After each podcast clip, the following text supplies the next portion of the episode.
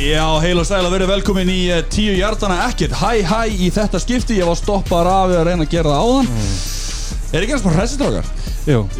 Þetta er mun skora svona. Það ekki? Jú, hress og skemmtilegur Smá inn í Já, svona stemningu og- Já, við erum seint líka. Já. Það er gals í þér. Já, húki Hendur jú Birgir Þór, Valur Gunnars, Storkil Magnússon og Matti Timbo á Skype. Maggi Peraði byrja nýri vinnu Þannig að hann er að fara að snemma að sofa lengi. Þannig að við erum bara fjóri í dag. Um, Við erum að sjálfsögðu Í bóði White Fox. Burt með hvað? Burt með rudda. Burt með rútanum Matti Ruttan Takk, takk Matti. Uh, þetta var- Matti fær að vera með okkur frá rútan Það var samkeppni. Uh, hann, er græn, hann er rauður, hann er blár. Þú getur fengið alls konar liti. Ég var til að fá gula næst. Já, það væri svolítið svona fráfælan Það ananasbræð það Eitt er gulur Nei, það er bara Það þessi. væri Nei, súkur í gula, það væri þetta nefn Myndu partí Ú, næs Alls konar litir. Einnig eru við í bóði Þeirra sem að vera með okkur since day one. Túli Það var svo léleg Þetta er- Svellkaldur og hræðilegur allt það. Af hverju er byggir svona lélur opna? Ég held að, ég veit það ekki. Já, ok Ég var var að láta hella fyrir sig hjá mig og ég bara var ekki lengi að opna hjarta á konunum minni. Oh my god. Og hún hefur opnað alla bjóra síðan. Já, hún hefur einmitt opnað alltaf fjóra síðan. Sæður bara hæ hæ og hún kom. Þessi blá er svona langt bestur ískaldur. Uh, Sjá ábygglega fullt að Ég haf langt sér nefndi tengdamömbóksin mm. Ekki svo langt sér ég komin á það? Já, Við erum aðeins að minna þau, sjá þetta á tengdamömbóksin Og einn, við erum búið podcastöðurna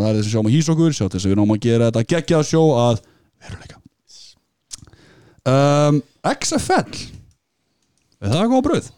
Spurum Matta Nei, nei, þú ert sérfræðingur Já, sko, ég ætla að segja að XFL, það, það sem ég sé ég, ég er nú ekki mikið að horfa á þetta skjálfum við ekki það.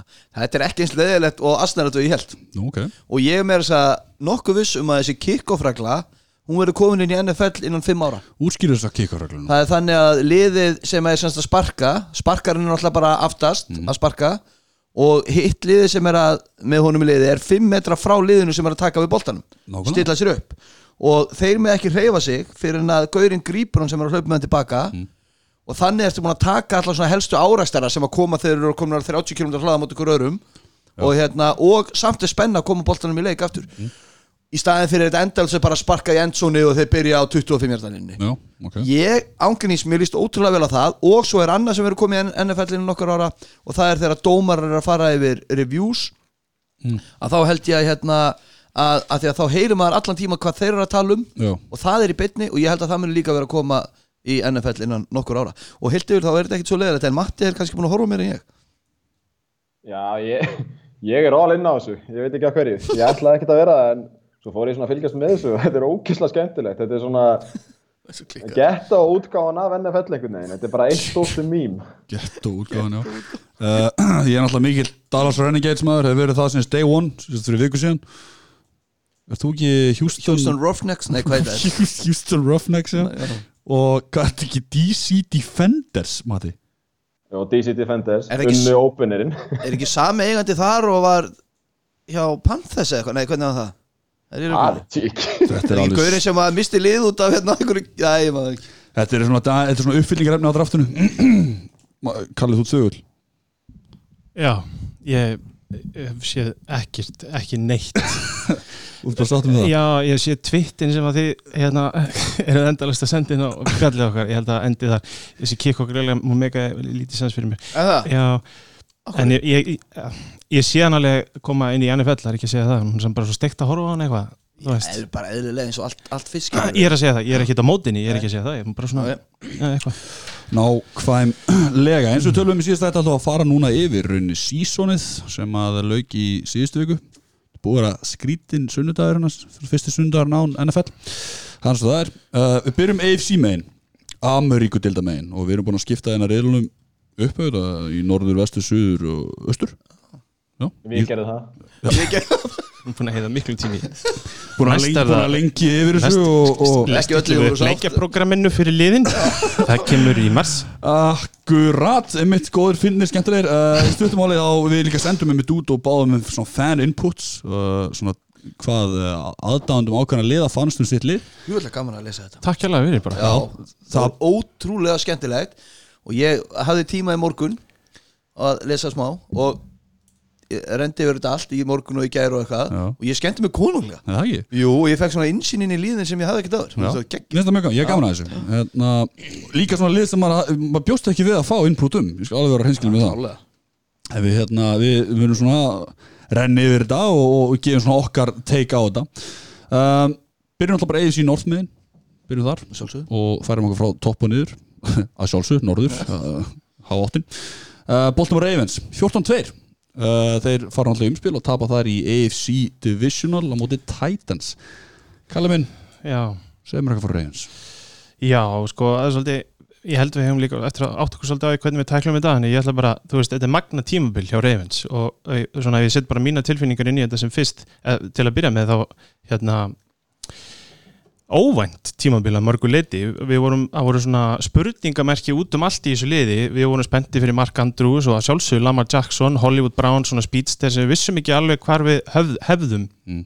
efuðumst um opnin menn, ekki við, en menn efuðumst um Lamar Jackson og þetta er alltaf reyndist bara fullkomið fullkomið blanda, 14-2 bara frábær tímabil Klálega, ég menna síðast þegar við sáum Lamar Jackson þá var hann að skýta upp á bak fyrir þetta tímabil Mm. þá var hann að skýta upp á bak á móti Chargers í playoffs Já. já.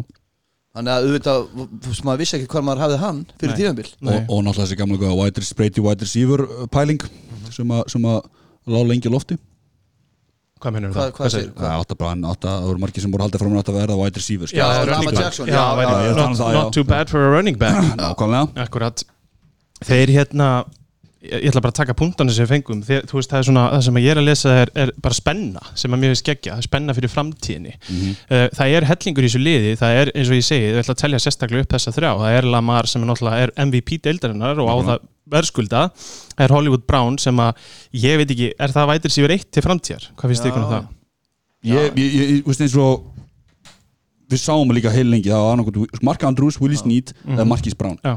That's it. Mm -hmm. og svo náttúrulega hérna, heil, hvað heitir hann, Hurst, Heilen Hurst? Hayden. Hayden Hurst, já, Titan 2, já, bestu við að smatta Titan 2 eða 3, hver veit. Uh, það, va- það vantaði svona þetta en, að dýnamíska leikmenn til þess að sem væri svona safe bet, Mark Andrews var það. Ha, er ekki líka bara deildin einhvern veginn að þróa þannig að þú ert með geggjaðan grípandi tætan þá er það vætri síver 1 skáströkk 2 mm. Jú, hann sinnir svona svipuðu hlutverki. Ef þú ert alveg laus við að hafa vætir þessi verið það er að segja, þú ert ekki með Julio Jones eða, eða hérna, já, eitthvað. Þá, já, jú, það passar, Kelsey ég menna, er hann á því, getur hann komið hangað upp? Kittle og góðan degi hjá, hjá Nænis, náttúrulega Gronki Já, en ég er að segja, getur Mark Andrews orðið svoleiðis leikmaður? Hann var alltaf, helvi, hvað var hann með mörg tötstón í ár? Ég man ekki hvað hann var með þetta. Hann með alveg einn og hálfa slatta. Líka ef hann heldur heilsu náttúrulega skilur við, og við komum líka á það. Þú veist, Já, við komum alltaf líka alla- gegnum tímbilið í Ravens. Já, í Svo við ár, alveg komin á 100%. þann punkt í rauninni. Þannig að uh, bara svona ítund það er ef, að- ef að Mark Andrews helst heill og er ekkert í ykkur hérna, Tí- Tíu törsta, tíutastan já, það held ég vel gert sko. Það er vikið svo var náttúrulega eitthvað við þetta síðan ekki? Jú, það er, eh, er það ekki bara eitt leikur? Ég, ég svona, þannig sé. Ég, ég, sko, Vörðin hjá mér til vandræða til að byrja með og við sáum það allir. Svo bætaði við sér Markus Peters þannig að út með gott hlutin vörðin til vandræða slæmt til að byrja með gott bæta við sér Markus Peters tveim öðrum leikmunum sem að innan ekki fari við núna og það bara umbiltir öllu. Hvort sem að það er gæðin sem Markus Peters kemur með eða reynslan eða bara eitthvað svona blanda sem kemur frá honum og eitthvað trú á það að kastleiks vörðin hjá þeim var bara ekki góð. Mm. Uh, ég efast stólu um að hann hafi haft mikil áhrif á passrössið eða, eða hlaupavörðin eða eitthvað slíkt, ekkit stórfengleg en hann er góður cornerback og þú veist, alveg hérna uppega, það verður frólægt til við fyrir að sjá, fara yfir ramsliðið. Sko, þetta treyt er ekkit að líta neitt eitthvað frábærlega út fyrir þá svona eftir á að higgja, með að við hvernig hann spila Mm. uh, Lamar Jackson náttúrulega sjúklega jákvæður uh, og svo neikvætt það stendur hérna að vanta eitthvað í gripaleikin eða gripleikin ég, ég veit ekki hvað mér finnst um það.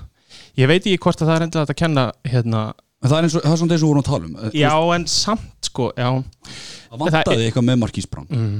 en þú vorst að telja upp Mark Andrews, þú vorst að telja upp Hayden Hurst, þú vorst að telja upp Billy Snead og nú ætlum ég að koma aftur inn á það sem ég satt áður þeir verða árinu eldra á næsta ári, þeir verða bara betri ef allt gengur upp, skilji með rúkki leikmenn sem að standa sér þó þetta vel á fyrsta tímbili Það ekki? Svo má náttúrulega ekki taka það þeir náttúrulega voru að byggja þetta mikið á hlaupum frá Lamar og Mark Ingram Ég meina, þú veist, þeir voru ekki mikið að gera út á hlaup eh, kastleikin, Mm. löngu stundum og Nei. kannski þessna fóru þeir ekki lengra en þeir voru svo kannski svolítið einhæfur í sókninni Já. já, jú, Já, já, Ég, skri, já, ég skrifaði þetta hérna að vætri síðan eru látnir náttúrulega að blokka svo mikið það er náttúrulega rosalega líkil hluti af þeirra leik Já. að láta vætri síðan þannig að ég skrifa þarna mega helst ekki við því að láta að taka sér einhver raw talent því að tækifærin þeirra til að verða betri að vætri síður eru takmörkuð út af þetta er svo mikið hlaupasystem. Mm. en þú veist ég, ég er ekki trefin að villi snýti eða heitin hörst persónulega sko, Nei, verður- og Brown er svona field stretcher, hann getur tekt á vörninni en er kannski ekki að grípa mikið af boltum, þú veist, hann ná þess að fái langu lungu mm. í, það er það sem ég er samt að meina þetta er fyrsta tímabilið hans hann ég ætla að vona hann bæti ykkur við sinn leik í, í sumar og næsta sumar og, og hérna komið með eitthvað nýtt inn í hann sé ekki bara hlaupa langt og, og hratt og, og grípa boltan komið svona tæri killfílingur í hann þar sem hann gæti bara orðið útterji tvö í vestafalli útterji eitt helst. Það væri náttúrulega draumurinn ég, hérna með Lamar ég vona bara að þeir nýti að því að hann er hlaupa running back og við höfum séð hlaupar og séð bara Cam Newton þú veist vandræðin sem hann er í núna. Að nýta þessi ár þar sem hann er hraustur og heill og gera allegu að því að fara aftur í Super Bowl næstu 2-3 árin og reyna að vinna titilina því að ég er ekki að segja hann get ekki spila í 15 ár en þetta er samt, þú veist, þetta er bara eins og með alla sem hlaupar svona mikið, hann verður fyrir mikið að höggum verður, þeir verða að nýta tækifæra á meðan hann er ungur og ferskur og þeir geta spila leik eins og þeir eru að rúlla í gegnum og í kringum hann fyrir framhaldi að gera, mér finnst aðeinslegt að þeir haldi hérna Greg Róman Já. það skiptir öllu máli fyrir að Greg. Róman hafi ekki farið já, Já. já. sjóknarþjálfuranum það er eins og ég er búin að fara yfir það brjálæðislega góður grunnur þarna vörnin hjá þeim vonandi heldur áfram bara að verða að batna og verða betri þá er þetta náttúrulega bara eins og staðinu núna það er engin þó svo að þeir hafi dottið tvisar út úr play-offs á mjög svona miskunnuleysan hátt þá er ekkert liðsamt búið að leysa hvernig þið spila sókn eða skilji hvað ég á við. Mér finnst það ekki, af því að maður saði þessi ok, er, vel, var ekki Patriots í fyrra sem að henda þeim út úr úrslutakefninu og þá hugsaði maður með sig, "Ah, ok, það er kannski búið að lesa þetta. Uh, Chargers. Chargers. Chargers fyrir ekki, svo koma þær inn í, í tímabili núna og rulla 14-2 yfir það. Ég er ekkit vissum ef þeir tvíka aðeins til, laga aðeins til koma hérna, hendinni á lamar aðeins meira inn í sóknuleikin, þá bara, þú veist aðeins meira, þá er ég ekkit vissum að hérna, ég held að næst tímabil getur verið geðveikt hjá Ravens, ég er mjög spennt fyrir. Já, ég- já. Það er spennandi fram og við menna við förum bara beint inn í, inn í far inputið sem við fengum frá uh, Sindra kikkarunum hjá Einarum hann er mikill reyfinsmæður hann sagði að hann get ekki kvartaði því að yfir tímbilega sem þið fóru nú vissla í play-offs. Já, og, og hérna reyfins litu þessu út svona myndi vera 9-7 Já, við hann, fannst hann honum. talaði um það, hann fannst hann eins og þetta myndi vera nýju sjölið svo bara nefnir hann líka eins og, eins og við vorum að tala um að Markus Píterstæmi gerir helling. Já, og hérna og, og náttúrulega þegar að lama, þegar þú ert með QB sem á svona tímabil þá sjálfsögðu liðið gott. Já, já, já, já. og hérna og Mark Ingram fittaði þetta lið bara eins og flýs við rass. Yes. og og það skilur það svo svo líka það, ég veist, Lama Jackson þótt að hann hafi tapað, ekki tekist að vinna playoff-leik, hann er 22 ára hann er yngri en börn og hann er mitt Já, já, en, en, en það má samt ekki taka það að þeir tjókuðu í þessum playoffsleik eins og bara Humphrey sagði sjálfur. Já, já ég, ég, þú veist, með Mark Ingram hann verður 30 og eins á sás tímbili þú veist, þeir gætu mér- þeir fengu sára lítið út úr Edwards og, og hinnum hérna hlauparunum einhvern veginn, þannig að þeir gætu alveg þurft að bæta við sig svona smá belli í, í hlauparleikin fyrir, fyrir mína parta, en ég held að sé engin ástæð til að vera bara ekki brjálæðislega spendur þú veist, ef þú ert reyfinsfall ég meina, bara, þú veist, þú ert með 22 ára kortibak, bara eitt, MVP deildarinn og eitt þann allra besta og svona uník leikmann að mörgu leiti, svo ertu með Markís Brown, eins og hún er búin að segja. Mark Andrews er fyrir mér bara, ég, veist, ég elska hennar gæja, Ég er samanlega að, að það sé að koma rúki þannig sé hérna, uh, tætand inn, það er bara briljant, sko, það er það sem vandar í þess að deild. Já, og svo ég takinu bara síðast með Sindra. Og veist, þeir vilja fá wide receiver hann vil fá wide receiver lið eins og við tölum um og bæti greifleikin, svo vil hann líka fá passers já, sem að, ég maður rétt á reyfins með nýju saks á sísoninu Það er í deildinni. Já, lægsta deildinni. Það var það sem ég var að segja áðan þú veist, Píters hjálpaði þeim rosalega mikið á bak við varnalínuna, varnalínuna mætti já, hún þarf að skána, taldi rætt.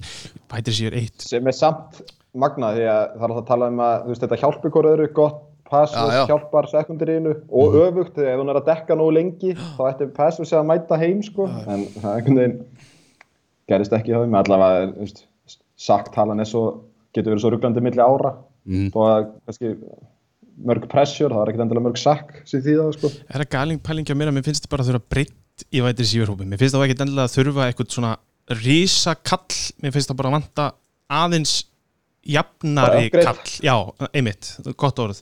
Ekki endilega annan gæða sem er bestur heldur bara eitthvað góðan tvist Mm. það væri Ég tala sjá, toppur. það er klálega eitthvað sem getur. Já. En hann er vissum það að þeir fari í súbúl á næsta ári. Ef ekki það, þá er eftir það. Það er bara vondi Ég, að nýta þessi fjögur ár. Já. fjara ára Nákvæmlega, áður en hann þarf að fara borgunum fullt af penningum til dæmis. Nýta præmið þá með þeir geta. Uh, Höldum áfram í Næsti, Næsta lið, lendi öðru sett í AC North Það var uh, Pittsburgh Steelers 8-8 um, Pittsburgh Steelers náttúrulega var mjög áhugavert sísón á marga vegu. Mjög svona injury prone, mikið af meðslum fullt af meðslum í þessu liði. Og, og sams, en samt sko stærsta náttúrulega var klálega þetta Minka Fitzpatrick treyt fannst mér, mér fannst að gera svo mikið fyrir stæsta, já en stæsta dæmi var náttúrulega Róþurisberga meðsli Já, ég, ég, ég, nú er ég að tala um bætingar sko. Já bætingar, Já, ok, ég er að tala um bara fyrst og já, fremst já, að sem við já. bættu í rauninu við. Það er bara að koma annan punkt. Já. Stærsta bætingin á þessu liði er náttúrulega bara að hrúa út mönnunum sem voru að, að skapa eitra andrúslótt virðist vera, af því að þeir gerðu bara hár rétt með að losa sig við Bell og Brown og, og reyna að byggja eitthvað upp og nýtt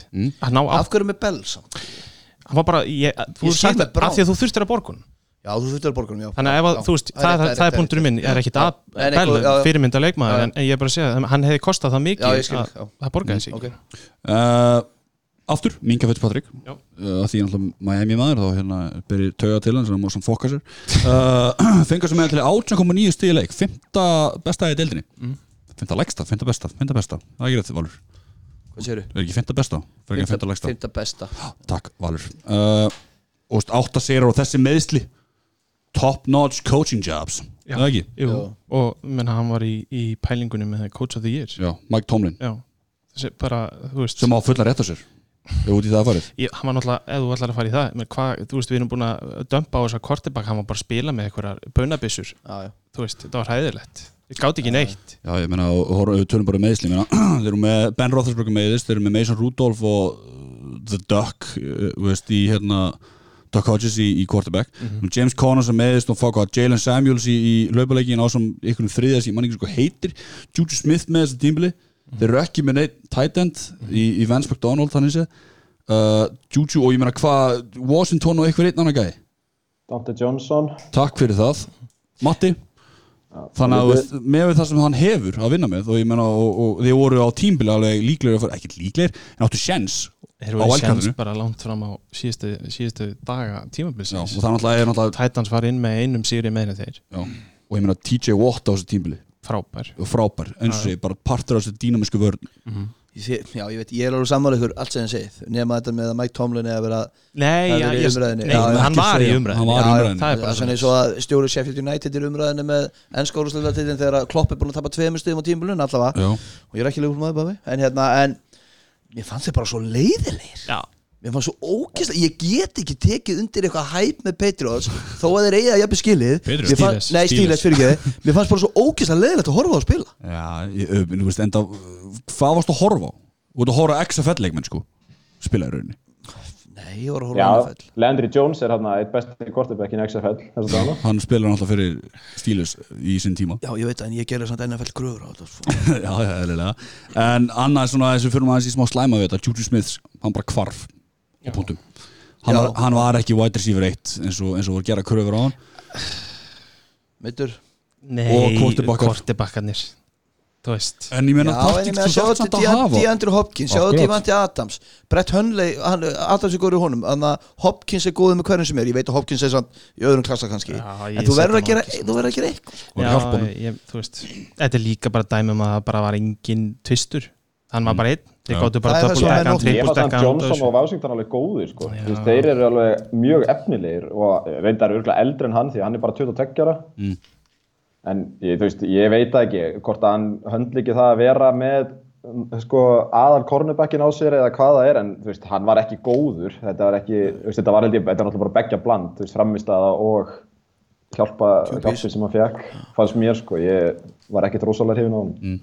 uh, Svona alltaf framaldið Þú veist að allan áhverð framaldið því að nú er þeir í bullandi kappandræðum þessum þeir eru tvær miljónur undir launaþækinu þar segir þeir bara með tvær miljónur til spend. Hvernig, hvernig Nei, getur fyrir ekki, öfugt Yfir, Þeir eru sko yfir yfir sorry, sorry, sorry, sorry, Hvernig eru Pittsburgh Steelers sem eru nýbúin að losa Antonio Brown og Le'Veon Bell í svona hræðilegum málum?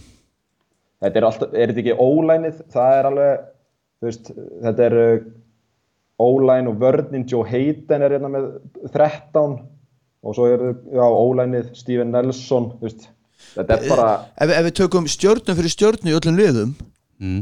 Ben Roethlisberger er stjarna Mm. ja, hann er líka með kappið upp á 33 Já, hálfa en ok, Ben Roethlisberger er stjarna James Conner er hann stjarna Nei, er. Juju Smith-Schuster stjarna já, ég myndi að setja myndi ég segja að hann veri stjarna í deildinni bara, þetta er bara stjarnan sem lappa niður dreigileg með Julio Jones og félögum Nei, hann er svona hann að diet hann er samt eitt vinsalasti leikmaður Já. deildarinnar. Já, ég get, hann, hann, hann er svona hann, andlit TJ Watt Steelers. er á á, á, á, á rúkisamning mm. sem hlýtur nú að vera eitt af jákvæðu í þessu, bæði við þessu Patriotsliði Nei, hvað er hann mér? Stílasliði? Þú hattar það Nei, Bara með nei, alls ekki En ég, bara ef við tölum um, þú veist, bara pund fyrir pund leikmenn og nöfn í raun og veru fárungt að þeir séu svona fárungt ítla stattir í Er kapspil merkilega þeir eru náttúrulega með sko, veist þetta er náttúrulega ólæni bara þetta er svo, þetta er þeir voru náttúrulega í umræðinu með Dallas veist, þetta er De Castro, Pouncy, Villanueva Já, já. þú veist, þetta, þetta er alveg stjörnur í ólæn heiminum. Já, ég skil hvað meina, maður myndi bara vilja allavega, allavega kannski svona 2-3 stór stór nöfn í. Já. En já, en allavega uh, Stefán Rapp komið sitt input í, í, í Steelers fanbase uh, pælingar. Og hann fannst þeim með stílskjara mjög vel í nýlegaval með að treyta sig upp og sæ- sækja Devin Bush uh, linebackerinn hjá þeim. Og ásand því að sækja svo Minka Fitzpatrick uh, til Dolphins sem náttúrulega margir muni segja að hvað það segja, treyta ásins? Nei, ég segi svona. Ég meina, það geti alveg það og það var mikið gagnandi sinni tíma. Þegar menn heldur bara að þetta er top 5 pick eða eitthvað sem að, sem að Dolphins myndi fá eða top 7-8 Já, og þegar við einmitt rættum með tímil líka hvort að, hvort að hérna, síndi meira Já. trú Miami á, á Mason Rudolph eða trú Steelers á Mason Rudolph. Um, Þetta er því klálega styrtu sína tvæ stöður. Þess að tvæ stöður sem voru mestu vandra með og þurftu mestu bætingar og, og skilja þetta frábænu varnarleik. Um, Svona alltaf vonbriðin og umölu og hvað eins og það er, lið var leðilegt, bara hugmyndasnutt hann var óstöndum með það, mest að Já, minnst ég held að Stefán Rafnaði mér þess að twitta eitthvað mann þessi sjálfur að það hefur bara umulega leiðilegt að horfa þetta. Já. og það var það leiðilegt að hann var eiginlega vonað að myndi ekki að fara í play-offs. Það var það leiðilegt að horfa það og ég meina þeir eh, fannst, hún fannst þessi að ég var alltaf keift sér endur nýja nýja, nei. skilur og það var náttúrulega helviti þungt þegar að þú veist, þegar þitt liðir í þannig stöð og ég veist, að hann um það og að- að lagfæra þetta fyrir næsta tímbil og meina, svo náttúrulega er ekki ennþá vita við erum með Big Ben, það er ekki þetta að koma frá Big Ben það er ekki það skrítið Ég veit ekki stöðun á Big Ben. Já, jú, jú, það, hann er búin að vera að tala um það reglulega bara ekki eftir að síðan er kláraðist hann er alltaf að koma næsta ári. Já, ég mér langast að heyra eftir sísunum, ég finnst það svona skipta máli. En hann alltaf finnst nöðslega að styrkja alltaf hana tight end og sækja tight end í free agency. Það er alltaf svo sem tveið, þrý líklega til þess að koma að hann, hann vil sjá þá stöðu styrta Ásand því að hann vil fá meira frá Juju. Eins og við erum basically að segja það þarf ekki að hjálpa hann eitthvað til að eigna sér stöðuna annarkvært taka vætir sér eitt stöðuna á Juju til að gefa hann meira pláss eða já Eru þeir í svona svipari stöðu eins og pakkis væri fyrir með vætri síðu hvori sitt? Nei, ég, myndi segja sko nei, Nei, eru allir betri sko Já, en ég er bara svona að tala um, þú veist, ef þú, ef þú sækir engan þá þarfst að taka sjensin á að þeir verði betri og verði nógu góði til að Eru stíles betri, sagður það Matti? Nei, Já, já, mér veit, Já. þessir Johnson Já. og Já, mér já. veit sko En, en munur kannski sá að, að pakka sig með prúen nummer eitt sko, þú veist ekki Já, en ég er ekki að tala um það, ég er að tala um hina, já, hina já, sem að við vorum náttúrulega að og þekki eruðu bara ekki. betri og myndum bæta, þú veist. Þetta eru náttúrulega hvað, second og third round picks þarna sko, Mhm. ekki eins og hvað var MVS og þessi gæðir á Packers, þetta er fimmta round og upp úr. Mm. En hans punktur bara það heilt yfir þá er tímbili hann er bara að þreikur kýrur Mike Tomlin að búa til kjúklinsaldur kjúklinskít Ég minna hann var á, á listum með hot seat þjálfara, þú veist, hann gerir alveg frábæra hluti úr því sem hann hafði, en það er eins og sé það er eiginlega galið, að þeir eru enga pening til að eyða. Mm. þú veist, þá hljótaði líka að hafa eitthvað leikminn til að kötta, ég trú ekki öðru. Já, já, það eru alveg tveir, þrýr, Já. þú veist, eins og McDonald er að taka 8 miljónir og hann verður örgla farinn, hann er á cl- club option. Já, og spennandi ungi strákan eins og ég segi, TJ Watt, Devin Bush. Þú veist, það er, það er hellingur í svo Já, bakk upp kvortibakstöðuna í guðana bæði ekki andakallar hann hana. Sjáum hvað setur í Pittsburgh, höldum áfram. Næsta, næsta leið, Cleveland Browns 6-10 Þetta eru þínu mennmatti Jú, jú, ég var rosa spenntur á samt mjög mörgum fyrir þessu tímubili og þetta var náttúrulega eitthvað lið hafi verið meira hæpað fyrir þetta árheldur en Browns. Náttúrulega með þessi, þessi viðbót bætur sínar hérna, OBJ og Oliver Vernon og, og fleiri. En þetta, ég veist, ég var alveg vandræði með að finna eitthvað jákvætt. Nick Chubb var stór ljóspunktur, hann var hann næstu því eða var hann ekki öðru sæti yfir Rössingard á tímabilinu á eftir Henry, Jú. var hann í fyrsta sæti alveg heil lengi og þú veist þrátt fyrir þetta ógisla sísón þá unnið samt sex leiki sem ég finnst vera vísbendingum að talenti til staðar. En það er náttúrulega bara ég að reyna að finna eitthvað jákvæmt veist það er bara þú veist þetta er náttúrulega stútfullt af talenti ja, því verður ekkert neitað en eins og við töluðum um endalust þá voru þeir ekkert að einblýna á ólænið tóku frekar aðnaðastöður og ef þú gleymir því að uppfara uppdata ólænið þá gerist nú ekki mikið í sér sókn, sérstaklega með ungan kortebæk Get ekki bara að tala um mál, þetta er bara þróta sísón hjá liði sem var sko Já, sundur stappaða talent.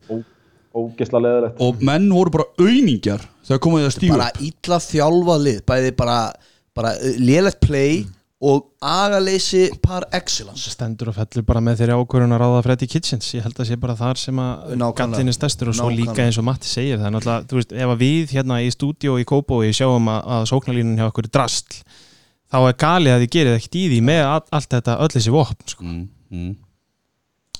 Já, og já, eins og sagði með Freddy Kitchens, hann var bara veist, ég var geðveikt spenntu fyrir þessu, já, virti svo gaman hjá honum og, og Baker og ég var með þess að held ég að við spánum sem coach of the year, sem var ekki fyrstur til að vera rekin eða eitthvað, eða annar. Það gleymist. Já, já, og hann náttúrulega var bara one and done og farin og bless, og svo náttúrulega neikvæðast aðtökja var Miles Garrett að lemja, hvað, hvað, hvað er það hann aftur? Rudolf. Rudolf Já, og hann er náttúrulega reyndar að koma tilbaka samkvæmt nýjustu fréttum. Já. Þetta var pælið í því, að, þú veist, hversu mikið rugg það var. Það var þar sem að botninum var bara held í náð Já. já, það er hræðilegt. Þetta er bara ógislegt. En já, framaldið, þeir náttúrulega bara að ná sér í hérna Stefanski og Jonah Hill úr Moneyball er núna byrjaður að fá að ráða hann hlutum. Hann hefur verið hann að að þiggja laun heilengi en einhvern veginn aldrei hlusta á hann samkvæmt fréttum. Þetta Analytics sjónarhopp. Já. og Stefanski er hérna rosalega hlindur því samkvæmt öllu og ég veit ekki, ég, sko ég hefði viljað fá einhvern með meiri headcoaching reynslu heldur en Stefanski þetta er svona ég veit ekki, á mér að segja upgrade af Kitchens, veist, hann er búin að vera offensive coordinator í 2-3 ár. En að, ég veit ekki, ég er ekkert svona, Er ekki ég er tilbúin til að láta, láta hann sína mér að, að ég hafi rámt fyrir mér. Þú eru komin inn í fyrsta þátt á næsta tímpili með coach of the year sponna inn að Já, er ekki samt allt bara uppgreitt frá Freddy Kitchens. Erum við ekki bara sammála því? Ég er að tala um, hann var alltaf hvað, quarterback coach á hann var ráðinn og Það veit enginn hvernig coach Freddy hérna- Kitchens var Mér var skoðu punktur hjá er svo típist að hérna, fyrir nokkrum vikum að, að, að þú veist þegar að Browns ráða svona gæja, bara analytics gæja sem bara virkar flottur að þá var það í umræðinni sko að annarkvæmt að vera hann eða Sale hérna hjá Niners og leikurinn 49ers Minnesota átt að ráða um og sem að sko Niners rústaði sóknlega já, Vikings. já. þannig að þetta narrativ fyrir í þetta þannig ef að Stefanski kannski byrjar illa þá er þetta alltaf hugstæðarna bara ákveður ríður ekki Sala ef að þessi leikur skipt svona miklu máli, skiljið hvað ég menna mm. veist, auðvitað eins og hann sagði, auðvitað þú veist, er miklu fleiri í þessu, en þetta getur alveg verið narrativ ef það ekki byrja illa til dæmis. Hvað er Sala búin að vera lengi defensive coordinator? Það ekki. hjá, eh, ár hjá eða þrjú. Hann er, að þetta er svona svipa, hann er bara varnamegin Já. í, í þessu drasli sko. Já. en hérna já, það var, og, hver var það sem senda okkur, Óttar Bjarni. Já, Óttur Benni Guðmundsson, sjátt Sjáðu Óttabjörna, já, hann er, hann er mikil að mikil fan Við heyrum í þér Óttabjörni Óttur við, við hlustum. Er þetta ekki, hvað, er þetta ekki félag þinn? Benni, við erum góði vinnir Við, hérna, þetta er Hann er með spurningar. leikmaður ásins í, í Ía í fyrra, í Vardamaður Já, svo En hann kemur hérna með, hann segir með þessu góðu punktur, þú veist, það voru mikla vendingar fyrir tímabili eins og Matti var að nefna, fá OBJ og fleiri, svo tapaði fyrsta leik 43-13 fyrir Titans, munið eftir sko. þessu. Já. Það var bara, það voru allir bara með hökun í gólfið, sko. Maður bara, maður, á, ég ætla að trubla ég á hann og heldur áfram að því að þessi besti búnd það verður fróðulegt að sjá hvort það verði hæp í kringum þetta lið fyrir næst tímabili eða hvort þið fáið að bara taka svona lignan sjó inn í tímabilið af því að ég held að það hafi líka haft svolítið mikil áhrif á þetta lið hvað var sturdlað mikil aðtikli á menn sem að ég held að þólan ekki Landry, OBJ og, og hérna, Baker þeir þoldu bara ekkert sviðsljósi sem þið voru í ég held ekki, ég held að þeir hafi ekki hausin í það Sko, nú er verið að tala um að, að OBJ fari hugsanlega. mm. Og hérna, Óttabitni kemur endar með spurningu inn í loki, mun OBJ vera að liðsmaða Bránsa næsta tímabili? Já. Come and get me frasinn hérna.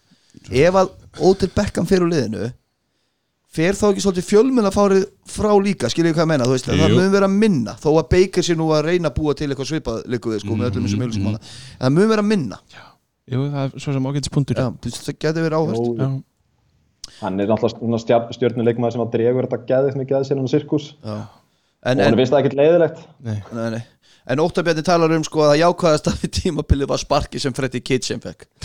Og hann segir bara sá gæi var vanhæfur. Og ég held að það sé bara hárið að tjá hann sko. En ég með þetta bættu við þessi pæli í þessu. Chubb, OBJ, Landry er hana á undan. Já. Eh, Karim Hunt. Þeir fengu Karim Hunt. Já, einmitt. Já, sem bara spilaði ágætlega var allavega í það bara byrjun frábær hjá Chiefs einn satt besti alltaf út í leikbann fyrstu Já, ég veit það, en bara pæli í viðbótunum við þetta lið. Chiefs væri tvöfaldur súbúlmæstari Já. ef þeir hefði ekki hent Karim Hunt Ég held að það alveg hárið en hérna uh, já, en hann, Óttabjarni talar um að Vombrað hafi ekki ráðið Ron, Rivera en hann vonar að Stefanski gera eitthvað. Já, og svo er hann með spurninga, verður Stefanski næsti Kitchens? Ég held að það sé ekki Nei, ég held ekki Ég held að sé Þeir eru ætluð náttúrulega að ráða hann að mörg reynda að ráða hann í fyrra, eða ætluð að ráða hann í fyrra hann var inn í, inn í myndinni hjá þeim þá þannig að ég ætla nú rétt að vona þegar bú- búin, búin að skáta mann í tvö ár að hann sé ekki jafn slagur og Kitchens. Jonah Hill vildi einmitt Stefanski þegar þeir réðu Kitchens. Einmitt, já. Jonah Hill í, í Moneyball. Ekki, ekki er hann? Paul Paul Paul En og hérna- dýp og testa en, svo, svo er líka með, með Stefanski að hann virðist vera gæi með einhverja hugsun í gangi. Já. Kitchens virkar eins og gæi sem átt að segja sem er á hliðilinu og segir berjast, áfram berjast. Hann getur ekki valið hvort það vilja súru gúrkur ásparkisinn eða ekki? Alltaf á meðan að Stefanski á meðan, á meðan að Stefanski virkar svona analytics gæi sem er með eitthvað í gangi. Já, En svo, en svo er uh, Óttar okkar besti OBG með eina spurningu viðbútt og það er Baker Mayfield, topp eða sorp Ég ætla að leiða mér að segja þetta að það eru bara blue season hjá honum. Ég held að sé hann þó alveg með gæðin hann sko. Ég, ég ætla að segja topp. Ég sé ekki topp en ég sé hann alltaf ekki Hann alltaf ekki hann svo er ekki sorp. Um, Ef þeir laga til í sóknarlínunni þá geti Baker orðið frábær quarterback. Og líka ef hann hætti bara að taka svona fárunar ákvarðan Já. skilur Ef hann, hann gætt gert eitthvað með Kirk Cousins Fuck that guy Þá getur hann alveg gett fullt með Baker Mayfield. Og ég veit að, að banna að fatt seima en hann mætti nú líka alveg bara koma sér í smá stand sko. Já, sáðu myndina á nýlega bara. Já, ég meina þú veist það er algjör óþar að líti út eins og Big Ben þegar þú ert 25 ára sko. Já, ég er samlega Nákvæmlega hættum að tala um líkansvæslina á eh, Baker Mayfield Það er sem slítur svona út í alvörinni Já, þeir eru ekki að fá að borga að fleiri miljón nákvæmlega. fyrir að kasta Og bolt það er óþar að nefna þetta hérna byggi En ok. Nei, veist, ég meina, gerið þið það sem þið vilja meðan það er ekki verið að borga ykkur fyrir að spila íþrótti sko. Já, Þú veist. nákvæmlega Og alveg Gunnar, sjáta þann uh, Næsta það Það er, markmannsjálfur í breiðoltum það er Shape, shape. Það er botnin á deildinni Það er Rusli sem tók first overall Sinns því Bengals. 2-14 Er eitthvað gott að tala um þetta Bengals? Já, við slillum sannu við nefnum eitthvað gott. Ég meina þeir náðu að þróa eitthvað að eitthvað leiti ungt, ungt sóknartalent. Og með þeirra AJ Green var átt allt tímabilið sem var bara nokkuð gott fyrir það enda á því degi sko. Já, þú veist, Oden Tate, White Receiver og John Ross uh, þeir náðu þeir náðu ykkur mínútum að það. Svo er náttúrulega Joe Mixon alveg runnerback en hann bara, hann var ekki góður í ár Kalli, myndur þú segja þessi skeppna? hann er skefna Ég ætla bara að segja ykkur það strax. En ég meina það er bara sama vandamálum með Baker Mayfield, skilur við. Hann getur ekki spilað bak við mig, Val og þig í, varn- í sóknarlínu. Það er bara ekki hægt. Reyndar og Þú veist. Akkur fæ ég aldrei að vera með þessu Því við sjáum bara hausin á þeim Matti, við getum ekki með hvernig þú verður í Þú sóknarlínunni. ert miklu betri þessu. En, hérna, þú þetta ár var bara voss, það var engin press og í raun og veru bara rebuild en það er ekki byrjað. Rebuild er einhvern veginn ekki byrjað. Þeir bara núna fá þeir Joe Burrow vantarlega Já, og hérna og, og já, ég, eins og segi það gæti vera ógætlega spennandi að fylgjast með þeim á næsta árum, eða næsta ári. Mm. uh, þeir eru náttúrulega Gæti verið spenndi já, gæti, ég menna eins og bara öllu liða byrja öll með 0, 0 tableiki. Næsta sísón er, er síðasta samningsárið hans hérna Mixon.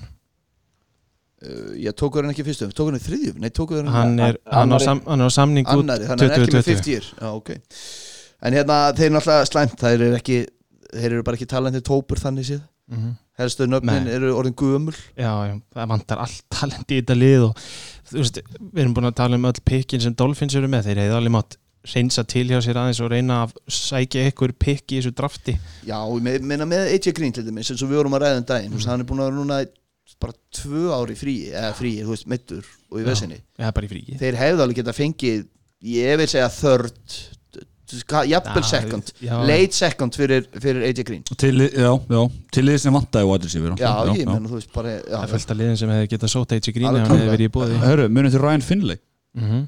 Quarterbackin sem að hérna, engi vissum og allir held að rosa ungur og, og að sé 29 bara ára. 29 ára Já. Já, ég vilja bara hendi sjáta það þegar bengar störstu honum á tímbili Var það ekki gæðin sem kom inn til þess að aðtóa hvort hann geti eitthvað? jú, Jú. jú, jú. Að hann var svo Og efnilegur það kom snögt að því að það var ekki Já. en Hendi svo, hann nú sett en, fingurinn út í það en hérna svo þú veist bara eins og, eins og við punktum mynda, þú veist, það var aldrei, þetta var lérastæli dildarinnar og það var ekki það var eiginlega aldrei nema fyrir utan fyrsta leikin á móti Seahawks, fyrsta leikin þar sem við vorum bara, Við okkur var ekki kókið. löngu búin að reyka hérna vinn okkar? og hérna, hvað er búin að glemma það? Zach, Zach Taylor, Zach maður. Taylor, nei, Hann tók við. Já, já, hann tók við. Já, Marvin Lewis, og hérna, það var aldrei sem var hugsað, ok, það er eitthvað þarna.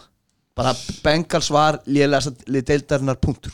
Já, Mm. samanlega og eins og ég segi bara framhaldið, bara, ég veit ekki ég, þeir eru náttúrulega að fá Joe Burrows, já ég, mað, þeir gæti alveg verið ágættir Nei, ég heldur að þú veist þeir þurfa 2-3 ár. Auðvitað, þú- Þeir eru náttúrulega aldrei að fara að henda bara Joe Burrow og hann er alltaf að fara bara að vera star player á einu ári sko. Nei, nei. með vætri sífara til að láta Joe Burrow líta ágætlega út sko. Já, já, eftir, já, en eftir ár munið segja nákvæmlega saman. Nei, það var bara fyrsta ári örugglega. það, gæti orðið Giants næsta tímanbils í besta falli ég. Já, nei, og þó. Bara, ég er að tala um Ég sigurleiki er ekkert ósamála því. Nei, en, en, en geggja þannig bött sem við fengum, má ég taka það? Líka? taka það, Jón Ari Jó- Helgason. Jón Ari Helgason, hann kom með helviti góða punkt að maður. Hann til dæmis talar um að hann hafði ágætis vænt eitthvað fyrir tíðanbils fyrir, fyrir ekki, nei, þetta er bara svo góða punktur af hverju, ég meina, það var mikið hæpi kringum Browns og hann bendir rétt til á, ég var aldrei að kaupa það sem að make alveg sense að vera ekkert að kaupa það. Mm. uh, sóknarlínan umölu og annað. Ravens, ég meina það átti engin von á, á svona tímabili hjá Ravens. Já. og Steelers búið að missa Brown og hérna Pell og, og þessa gæja. Já. hann hann hugsaði bara, ég gluggi. riðlinn eru nú up for grabs. Svo náttúrulega bara koma á daginn að það var aldeilis ekki sem að það gerði sko. en hérna eins og ég segi, svo bara þú veist, þetta byrjaði fínt á móti Seahawks svo bara hrundi þetta, bara eins og spilaborg í gulur viðurinn þetta bara hérna Skemmtileg guðli öðrun. Og hérna og svo nefnir hann hérna þú veist að besta sem mínum en gera á tímabilinu var einfallega að tekast að klúra ekki fyrsta pikkinu. Það var hörbar og oft vísir. Byrjaði sem tanki for Tua en endaði sem og þetta hef ég aldrei hert aður Operation Bungle for Burrow. Ha, ég heyrði þess að Bust for Burrow Bungle for Burrow er. Operation Bungle for Burrow Ég meina ekki gleyma því að leika bjógæi upp á þakin á skúrnum sínum í einhverja 12 vikur. Það var, það var samt, það var að hermetið um gæja síðan á nýjunda áratögnum Ok, wey, má ég eiga þetta valur? En, hérna, en eins og ég segi nú bara, þú veist, vonast aðdáðundur og hann vonast líka til þess að þetta er aftur Burrow AJ Já. Green komi hugsanlega sterkur tilbaka. Já, og svo, svo nefnir hann hérna að hann var fyrir vonbrið með sagt Taylor samt, eðlilega. en svo nefnir hann hérna og svona lokum á rottunar var að renna upp þannig að illþefjandi rottu rottufyglin í Baltimore muni taka næsta tímabil með stæl engin spurning. Þú ert að gleyma línunu eftir hann Ár tíu sér svo 20-22 Heyrðu það fyrir Veist það heldur gott sko. þetta endur það Á ekki á rottuna var að renna upp þannig að illþefjandi rottufyglin í Baltimore muni taka næsta Svona á að gera þetta, ég ránaði með Þetta er en, þetta er eru góða En ég- Bengals gæti ekki neitt í ár Sjáta á þetta á þennan Bengals fan. Ég vilti alveg ekki væri til Bengals Ekki víslega þannig Ég minnst að því að við fórum ekki yfir að það er áhugaverða punktur sem að skrifa um að selja klúbbin Já, já, uh, Þetta er náttúrulega klúbbur sem að hefur gert sára fáa breytinga þegar það er endalust þólumæði fyrir alls konar hlutum hana Mhm. og hérna ég, ég hef enga sérstakka skona en mér finnst það aðteklisvert að aðdáðandur séu ka- kallið því að, að fá nýja eigendurinn. Já, það er vantalega peningarlega Já, sér já, já, sammála. Herru, við erum búin að gefa okkur góðan tíma í AFC North. Hann að við ætlum bara aðeins bara að halda áfram en að fara beint í AFC West Kansas City Chiefs 12-4 Þeir eru alltaf allt í lagi sísón Já, bara svona Svona, sko. þú veist, eitthvað titill og Já. súbúlumestarar og allir rosa glæðir Já, Matti er bara klóið. Matti er bara mute Mati, þú þarft ekki að taka þátt, þetta er alltaf leið. Já, við erum að tala um Super Bowl sigur þegar að Kansas City Chiefs. Já, 12-4 á tímabilinu náttúrulega bara með að við hvernig gekkja þeim og svona maður var að rúla yfir statsinn og hvernig hl- hlutinni gengur þetta er náttúrulega bara magnað a- afrek hjá þeim. Uh, gott hvað ég var að segja. Veist, þeir eru bara með besta kortibakkin að mörguleiti deildinni á, að, að, þú veist, að hvað, top 2, top 3 ég menna Mm. sumum myndi setja hann efstan. Uh, þetta er bara svona vinnir lið og ég skrifaði þeim í tjámbæð hérna leikmenn, þú veist, þegar þú bæti við þig eins og Honey Badger. Já, þú veist, þeir gerðu breytingar á liðinu sérstaklega varnarlega, að því að það var það sem var vandamáli í fyrra. Chris Jones kemur hann inn og er, er hann er þetta var en hann er frábær, þeir taka Daryl Suggsinn geggjaður, eða svo, þetta eru bara svo sterkir, karakterar það skipti öllu máli fyrir þá og svo er það bara Mahomes, þú veist, að stíga upp úr þessu nýjaskilja ruggli Mm. og, og vera svona impressiv út allt tímabilið já, og mörgur leiti bara e- eftir hvað viku 10, e- e- er 11 vika þar sem hann kemur tilbaka eitthvað svo leiðis, þá er þetta bara þú óstöðandi lið sko mm. Er náttúrulega, já, fór hann úr hnérskilið Þannig, já, misti hann að tvo og já, og hálfan mittist á ökla líka eitthvað aðeins þar og undan. Hann var svona, maður var alveg svona ah, eru Chiefs að fara að vera Já. í bastli út Já. af þessu, það hefði verið leiðilegt. Nákvæmlega. Svo náttúrulega linebackistæðar að var að var í, Já, svona slæma. Svo slæma, já, það er svo maður að segja. Já, og ég meina, það er alveg tæki fyrir, fyrir þá, ég meina, hún var það líka í fyrir hún var frekar léli, hann að spurning hvort ég ger eitthvað í því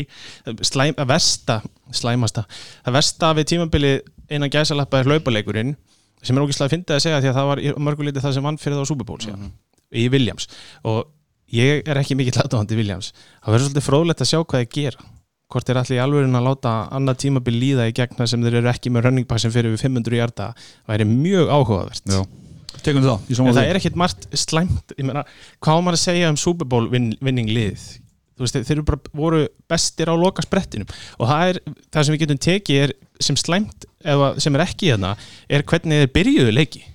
Það var ekkit frábært. Þeir lenda hvað 10 og 14 stigum undir í leikjum í úrslitakefni Mhm. en þá er ansi gott að vera með Patrick Mahomes sko, og Tyreek Hill, Já, Og segja Travis Kelce. Þegar þú vinnur þessa leiki þá er þetta ekki endilega svo slæmt. Þetta er bara byggja karakter og gera meira. Algjörlega. Nákvæmlega. En uh, kannski aðalega, þú veist, þeir eru ekki það mikið kapspes og þeir þurfa að borga hóm sem eru að fara endur bara endur það verður svolítið fróðilegt að sjá Já. hvort, hvort ég gerir það í sumar eða geimi það, Hann er að fara að breyta í rauninni launaþækinu fyrir kortabakki ekki spurning sko.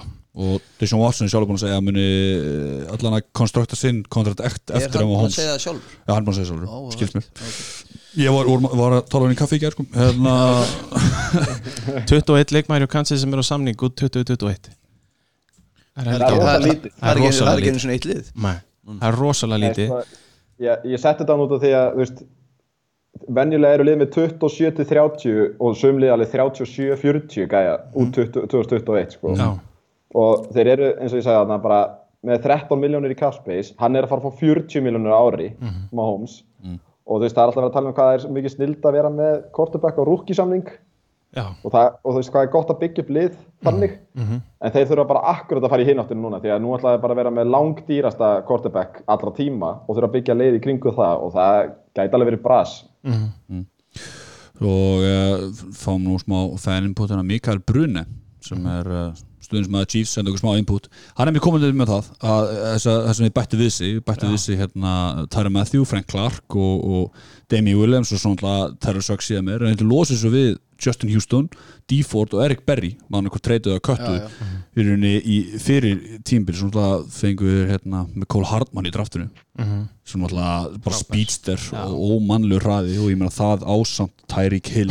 Það er rosalegt maður. Já og líka bara möguleikarnir í ret- return leiknum. Já og líka sko, ef þú ert með Hartmann og Hill sigur megin, þá getur ekki loka mikið á Kelsey af því að þú Nei. þarf að pa- passa svo bakvildi. Það er bara fullkomið dæmi. Já, ásatnir hjá þeim eru svaðalir Já, þeir eru rosalegt þannig að það byggir Já, kringu það verður fróðulegt að sjá hvernig ég gera það. En svo finnst mér áhverð sem að hann nefnir hérna að það er liðseldin Já, að hann talar um að liðseldin hafi bara, þú veist, og þá, það, þannig ert að koma tilbaki í leikjum, það er ekki hver höndin upp á móti annari nei, þeir eru að peppa hvern annan og, og hann tal, sagði það í viðtöl, öllum viðtölum og var alltaf að tala um liðseld, liðseld, liðseld. Mér finnst það áður punktur. Já, já, menna, það er líka bara því þegar þú bætir við því eins og stendur hérna Tyrion Matthew, Frank Clark og Terrell Suggs og Patrick Mahomes.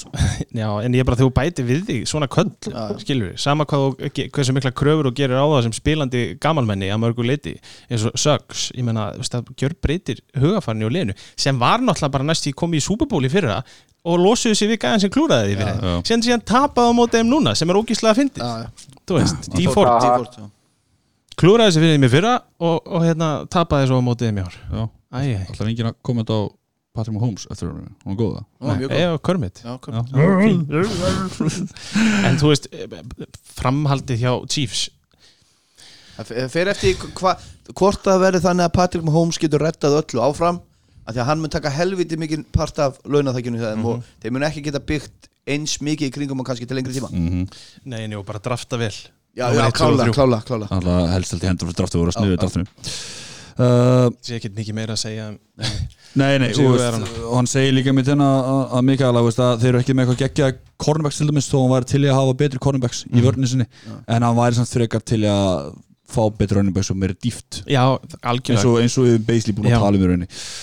Herru, höldum áfram að næsta lið. Það kemur óvart að þetta lið er lendi öðru sæti í er Denver Broncos. 7-9 Það er vægasatt áhugavert er það, finnst þér áhugavert Valur? Já, ég meina, nei. Kannski bara eins áhverst og lið Denver Broncos verður þetta árið heldur sko.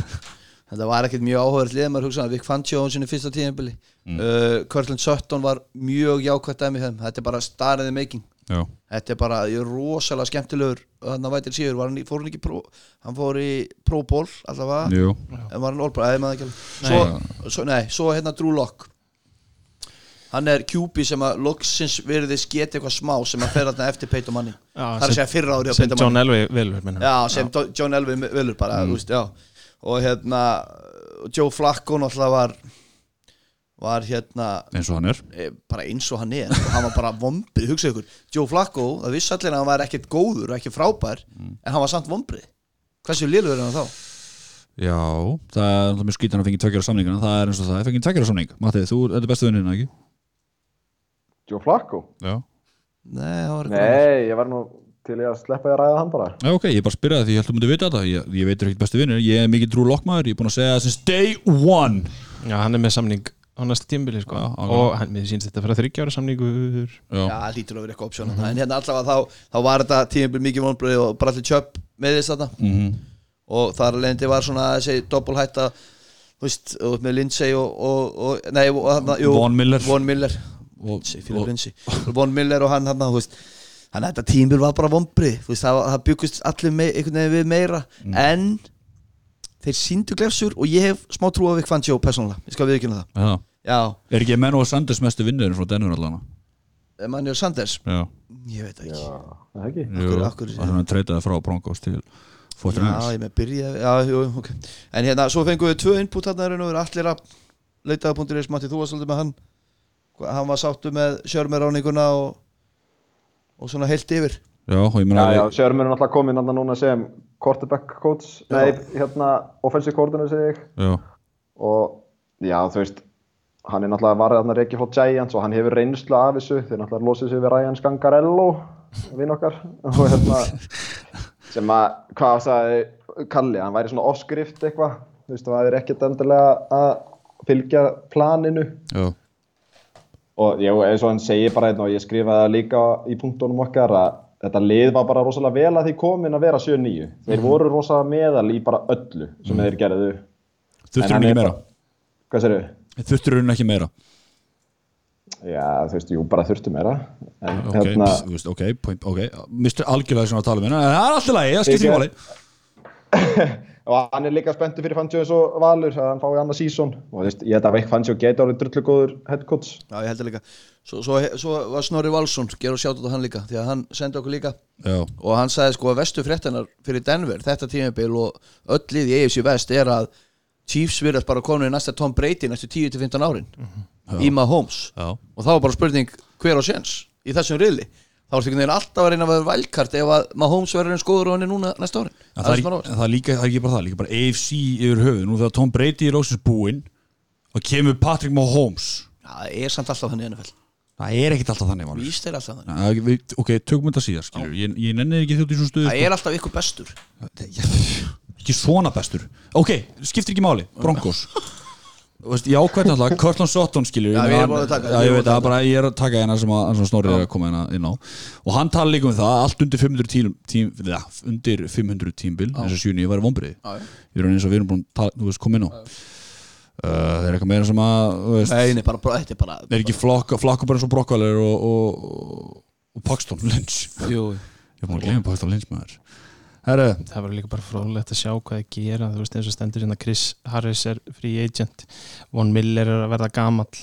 Þú veist það er alveg haugur af hlutum sem þið þurfa að- að gera gera við þetta lið, ég er ekkit vissum að þeir verði eitthvað mikið betra á næsta tímbili Nei, þau eru utan að laga og ég meina Noah Fant, þú veist, ég, sorry, ég meina, þú veist, ég er ekki eitthvað mega peppaði fyrir Noah Fant. Hann hefði alveg mátt vera aðeins betri með að við hæpið sem var í kringum hann. En Við höfum talað um Titan stöðuna sko, hún er eins og hún er Nó, fann maður, ég elskar þetta ég meina þú tekur hérna, tætandi í fyrstu, fyrsta rándi, skiljur við Það býstu við mér frá Herru, þá er það næsta lið í AFC West, það er Oakland Raiders. 7-9 Matti, once a Raider, always a Raider. Já, já, knock on wood. En hérna, að, ég veit það ekki Ég tók Raiders út af því að þú veist, þeir eru svona narratífið í kringu þá er ótt skemmtilega en liðið sjálft veist, það er Las Vegas núna og, og Darren Waller það var gaman að fylgjast með honum. Veist, hann alltaf var storyline fyrirfram út af Hard Knocks og því sem hann hafði gengið í gegnum. Og hann varð síðan bara vætri sér verið eitt aðna þó hann sé tight end. Og það er svona jú, þetta er náttúrulega rebuild hjá þeim og það er alveg gaman að fylgjast með því. Veist, mér varst að rookie-klassið er mjög áhugavert, þú veist, Jonathan Abrams kom hann og var sterkur í byrjun áður hann meiðist. Mhm. Max Crosby, third round pick fær defensive rookie og því ég er atkvæði. Átti reyndir aldrei séns þar. Uh, Josh Jacobs, ég held að hann myndi kannski taka offensive rookie of the year hérna velunin og, en hann var hérna hátt á lista. Og ég held að þetta, þetta er skemmtilegt rýpild þó hann sé hérna kannski ekki mest spennandi þjálfarinn í deildinni grúten og munið hérna eftir því í Around the NFL taka á svona Dalton line? Já, Já, ef að, ef að kortibakkiðin er uh, jafn góður eða betur en uh, Andy Dalton þá ertu í góðum málum. En ef hann er lélegri þá ertu þarf það bara að hugsa þig um. Þetta fara að vinna nýjan. Já, og mér finnst svolítið Derek Carr verða þessi gæi mjög bráðlega. Hann er, þessi, hann er svolítið þessi gæi fyrir mér. Ég einhvern veginn trist honum ekki til að vera uh, svona frábær eins og hann var þarna á, á tímabili einu sinni. Já, myndir uh, Del Reno, Del Rio, það ekki, hvað er það? Jú, Jú, Jack Rio, já. já, Jack Rio. En og svo er náttúrulega það er ég sá einhverja stuðla í gæra Reiters væri líklegast að liði til að landa To- Tom Brady sem að Það er ég sem búið að vera háar Mér sé að vera að heyra meira og meira já, já, það er annað hvort þeir eða Chargers verðist vera líklegastir. Eða svona samkvæmt, ef, hann fer frá Patriots það er að segja. Já, og svo er náttúrulega ég nenni ekki að ræða þetta AB-mál, það var náttúrulega svartasti punkturinn. Já, klála Mesta bara, mesta vesni fyrir það, við erum búin að fara í það eða nú ofta eða, þessum að segja Eila, já, allt og oft. Og með framhaldið að gera hjá þeim þá bara er ekki, verðið það ekki að gera splash moves fyrst þeir að mæ, eh, mæta í svona svaka splash í borg? Og þetta er nú ekki mest splash í lið NFL Nei. nú þegar og þeir vilja náttúrulega fá túristana til sín því að heimamennir gætu verið svona upp og ofan og þetta gætu náttúrulega orðið svona túrista lið Já. Og ég er bara búinn að sjá svo mikið að mokkum að þeir taki í fyrsta pikkinu sínu, ég held að sé hvað 13 eða 14 Já. C.D. Lamb eða Jerry Judy sem eru vætri sífirar og þeir eru báðir ótrúlega góðir. Og þetta verður ógeðslega gaman að sjá þá. Þeir, það gæti bara verið alveg splashy move ef þeir standa undir sínu potensiali Já, Derek Carson Það er svo það er. Það er það sem, það sem mögulega koma skal, hvernig myndið þið með þetta tímabilið? Það? Viltu? sjö nýju lið með engan Antonio Brown og fyrir tímabilið sko, svo sóknarlínu sem enginn hafði trú á en var svo margfalt betur en að menn heldu að hún er því sko. Hún batnaði mér finnst þetta allt í lagi tímabil, sjö nýju Ég er sammála, þeir, þeir náttúrulega mistu með Williams. Já, já, já. Missa Abrams líka. Já, og fá helling út úr Darren Waller. Það er fullt af leikmunum hann sem stíga upp og gera gagn sem að veldu því, ég menn þetta lið eins og það er á pappirunum með aldrei átt að vinna sjö leiki. Og ég meina, þið uh, Hvað er hann ekki, Ferrell hérna föstu- Ferrell, já, Og já. Max Crosby er í þriðja, fjóruða ránd Josh Jacobson það meiðist þarna. Mm. á, þegar þið voru á smá uppseflu þá, þá hrundur það svolítið hjá þeim. Já, En my point being að þeir eru fá hana ykkur skonar óslýpan demant í Max Crosby. Já, ég að segja, þú veist, Cleveland og- og Ferrell var Josh- ekki góð sko. ekki góð en, en Josh Jacobson það líka. Já. en þegar hann miðist þá svona hrundið hans og þá döttur svona play-offs vonunar svolítið niður. Já. en þeir voru alveg play-offs contention. Já, ég veist, mér finnst þetta bara þú veist, ískallt bara frekar gott Já, tímabil ég er með að við líð á, á pappirunum og líka bara þú veist að, að gera einhverja leikmenn úr þessum gaurum er frábær árangur. Og miklu meira en ég hef haldið frá grút en einhvern veginn fyrir tímabili Samanlega, ég veit það ekki, mér finnst það bara flott tímabili ákveðlega Svo kemur smá fan input, Starri senda okkur sín 2 cent Ég veit ekki hvað heitir meiri það Starri Þannig að Starri, þú veist þú ert uh, Hann er með talað um það Þeir dröftu hérna Jacobs, Ferrell og Abrams í, í, í first, first round skilju Hjálpa allir mjög mikið á sísonu Tja, ekki Abrams náttúrulega ekki, hann spila ekki neitt ferð hann var að ádyrun og Josh Jacobs er planta mest í rauninni hvað er, hvað er höfuð ferðið samt? Vittu við það? Ha? Nei, við höfum ekki hugmyndu Nei, en var Reach þegar þeir náðu í hann Já. Já, Mikið, já. Já. Þannig að ég meina Þú veist, hann var alltaf eins og ég, hann var orðin bjart síðan á play-offs og þá, þú veist, þá meiðist Jacobs skilur Já, já. Já, og, og þá fyrir liða að þekkja reytisóknuna þegar þeir hafi ekki Josh Jacobs þannig að, þú veist, já, já. Jacobs tekur nokkra hjarta og svo kemur Karr tekur þörðun short það er svona hans, hans input og Og hann talar um að Karr mun ekki taka það langt já, nákvæmlega þegar grútur er aldrei sáttum með Karr Nei. Já, og, og sko, Karr er með 55 töp á fyrstu fjóru síðusónum sinnum já, og hérna bróður hann sem er fleiri, eða, hvað, Eini. eini gæin er bróður hann sem er fleiri töp og það eru 56 En veist- David Karr, en veistu hvernig rekordið hans Karr er í kulda það? nei, það er ekki gott. Það er ekki gott. Uh, en eins og segi, liðið fyrir ekki lengra en Quarterback tekur þá uh, þannig að þeir, hann vil samt að þeir drafti kornubaknuna til að bæta hans í vörnuna. Það er því þeir verðast vera að koma með, svona, með Abrams í, í safetyinu og gott passur svo geta þannig bætt varnalliðina og svo náttúrulega með first over getur þið bætt white receiver eins og hann var að koma inn á hann á mati þannig að, en en hann hefur yngur ágjör fanbase-unu en það sást á móti Chargers sem að þeir uh, yfir næfðu já, já. rest, Já, ég meina, fimmleikafélagi hefði gert það sko. Það er svolítið það er það er, það smá FH shoutout. Það er hérna, bara svona aðeins upp á framhaldið þeirra. Þeir eiga alveg ammó í að treyta frekar hátt í quarterback eða þeir ákveða að fara þá leiðina. Já, Eftir allt þetta mack trade sko, þeir eiga alveg skemmtileg picks. Þú veist að Chargers eiga það dæmis ekki, sem við ætlum að ræða núna. Ég, uh, svo lengi sem þið fara ekki í tú og þá er mér skýt saman hvað reytir skýra uh, næsta lið, Los Angeles Chargers 5-11 uh, þetta er vægasatt vonbreðlið uh, running back staðan, Möflin Gordon, Austin Eckler dæmi, þetta er svona gott slæmt moment, veitir hvað við mm. Uh, Möflin Gordon er í svo hold átt í byrjun tímbil, svo kemur áttur inn. Og þeir fá svona flashy moves frá Austin Eckler og þá verðist þegar maður að hugsa bara, wow, ok, Gordon þarf alls ekki að koma tilbaka. Þeir eru góð málum, svo kemur Gordon tilbaka og það fer eins og það fer. Þú veist, þeir voru þó inn í þeir voru inn í flestum leikjum en þeir tókst svona á fáránlegan hátt að tapa. Svona eitthvað svona einstakann hátt í rauninni. Þeir þeir bara uh, Chargers gonna Chargers sko, þeir bara töpuðu leikjum eins og maður hefur, þú veist, átti vona á að þeir myndu gera Chargers- kunni ekki að vinna. Charger yfir sig Já, og, og halda þjálfur hann síðan til að Já. en það er lið sem er alltaf að spila út við Það má ekki taka það Já, sko. það Já.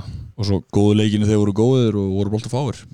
Já, ég ég sagði á móti mínum önum það sem er rústuð áttum ekki breyk já, það verið leik það sem að Tony Romo og Jim Nance voru að lýsa og þeir fóru svona á hliðalínuna og voru að lýsa þar fóru svo aftur upp í bút og það Já. kom grafík sem hann sagði Green Bay Packers 50 hjartar í sókn Nance og Romo 66 hjartar í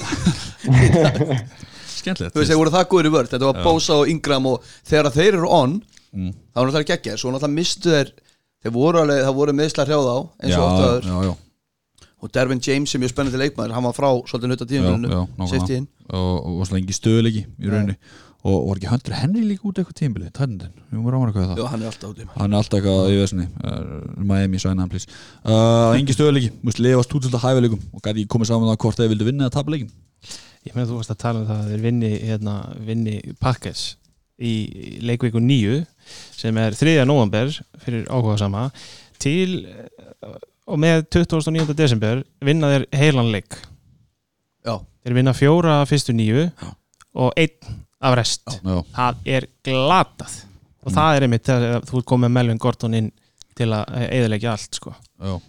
Það var alltaf alveg ferlegt. Er hann blórabökun síðan Nei, þú veist jú, akkur ekki. Meina, ég, það, það er ekki honum að kenna þeir ákveða að reyna spilunum eins og bara hann kom bara tilbaka en fyrir maður sé fanninpöti líka bara Mm, Reyðar ekki talar um, þú veist, það var alveg spenna fyrir þessu. Mm. en svo, Þeir unnu tólleiki í fyrra. Þeir eru nú tólleiki fyrra svo kemur Holdat hjá hana Gordon. Já, og þá einhvern veginn svona dempa stemningi niður og þetta verður einhvern veginn svona já, það tala um inputið hans Arons já. já, Arons, fyrir Já, ekki, lesa þetta. Ívarsson, já, hann kom með það Já. hann kom með gott með- kemur það. Gordon Holdati og þá svona dempa stemningi niður nákvæmlega, alveg nákvæmlega. Já. Allir voru líka konu með, með Ekler svona feeling í þetta Ég, ég, meni, ég elska Austin Eckler, mér finnst hann bara vannmennast í leikmaður deildarinnar já, og það leifa sér síðan að, klippa nánast út úr öllu apparatinu og til þess að tróða Melvin Gordon inn er bara fáránlegt mm, sammála og, og ekki það, ég meina fjórir fjórir fimm var ekkert frábært fyrir þetta lið þegar að, að Melvin er að koma tilbaka. Nei, nákvæmlega. Og náttúrulega veist, hann tökum bara í framtíðina það er svolítið ljóst að það er bara búið að gefa út fyrir British spilar ekki með Chargers á, á næsta lagi Nei, Næsta ári fyrir ekki. og, og hann vil fá, svo tölum við sem Aron Ívars, hann vil fá unga leiksnunda sem fara að læra hjá Tyro Taylor það er eins og hvort að Tyro Taylor sé bestið uh, mentorinn? Taylor er ekki að fara að vera starter Nei, en ég meina samt að, ok, en hann kemur líka á glænir heimavöllur fyrir T-Rod? Tyrod Taylor. Uh, glænir völlur fyrir aðdándur sem náttúrulega er mikið spenna fyrir Fyrir hvað aðdándur, aðkomlið sem sagði það Ég, svo, ég, ég, meina, ég veit ekki, skilju, ég, ég veit ekki, Val, ég held ekki með Chargers, skilju Ok, förum, förum aðeins yfir þetta. Eina, Sorry, sorry, þeir eru, þeir eru að koma að skýta tímubili þar sem að ásýðir að aðal running backin er sára lítið með og getur síðan ekki neitt. Þeir eru á, á velli sem að enginn mætir á. Svo eru þeir að fara að vera leigutakar á velli hjá öðru liði sem á miklu fleira starra fanbase í borginni. eh, hérna Rams, já, já. Það, það er allt og svo er þeir að losa sig við hérna kortibakkin sinn sem er búin að vera þarna í 14 ár. Veist, það, þetta verður ekkit eitthvað mikið verra. Old Man River. Þú veist, ég sé þá ekkit eitthvað að fara að drafta kvortibak til að hjóla í 90.000 þeir setta leikvang. þeir eru samt með Bosa og Ingram. Já, það er fullt af talent í þessu liði það er talent þarna. Það er, þeir hafa alveg margt að byggja á. Ég veit að þetta er bara svo Svo svo ömuleg aðstæð að vera í svo erum við Williams í hérna í vætir sífurunum Já, enga sóknarlínu. Nei, Hunter Henry er, er hérna Kínan Allen. Kínan Kínan- alveg, ég, var að, ég var að meina hann, ég var að hugsa um hann. Ég held að það eru búin að segja hann. Nei, nei, og, hérna, og svo erum við Henry sem er að líklega að fara frá reyndar núna, en ég meina að þeir hafa alveg eitthvað að byggja á. Þetta er ekkit lost cause en þetta er bara skrítnasta franchise move sem ég man eftir. Þetta er af rosalega hverju í skrítið. anskotunum fóru þeir líka til LA það Og líka, byggi ekki sin eigin fjandans völl einu sinni Heldur þeir, þú þeir borguðu nýjónum með hann sko. þeir, þeir borguðu 600 miljonar eitthvað í hann. Þetta er, á- þetta er ábáslega skrítið Þetta er það skrítið, segir hann svo nú kom aftur hann á, á teiki hans Arons hann kemur með það að hérna eftir að eh, hliðið fór rann áinn frá okkur þá er hann að tala um eftir að Antonio Gates fór þá rann Philip Rivers frá. Þetta er svo gott. Þetta er skemmtilega orðalegur, sjáðu þetta á Aron en, en Ívars sko, við skulum aðtökur því að sóknarinn hjá Chargers Já, já, bara á ferðinni með Rivers Mm. hefur verið Ég sagði þetta annað fyrir í vetur Hræðilegt. Ömulegt sko. Já. Og hvað þeir eiga sjötta piki Nú, já þeir eru að já, á sjötta pik Þannig að þeir eru dottnir út úr topp Kortibökkunum hvort þið er. Nefn að keiri sig einhvern veginn upp. Er ekki Herbert uh, Nei, heitir það ekki?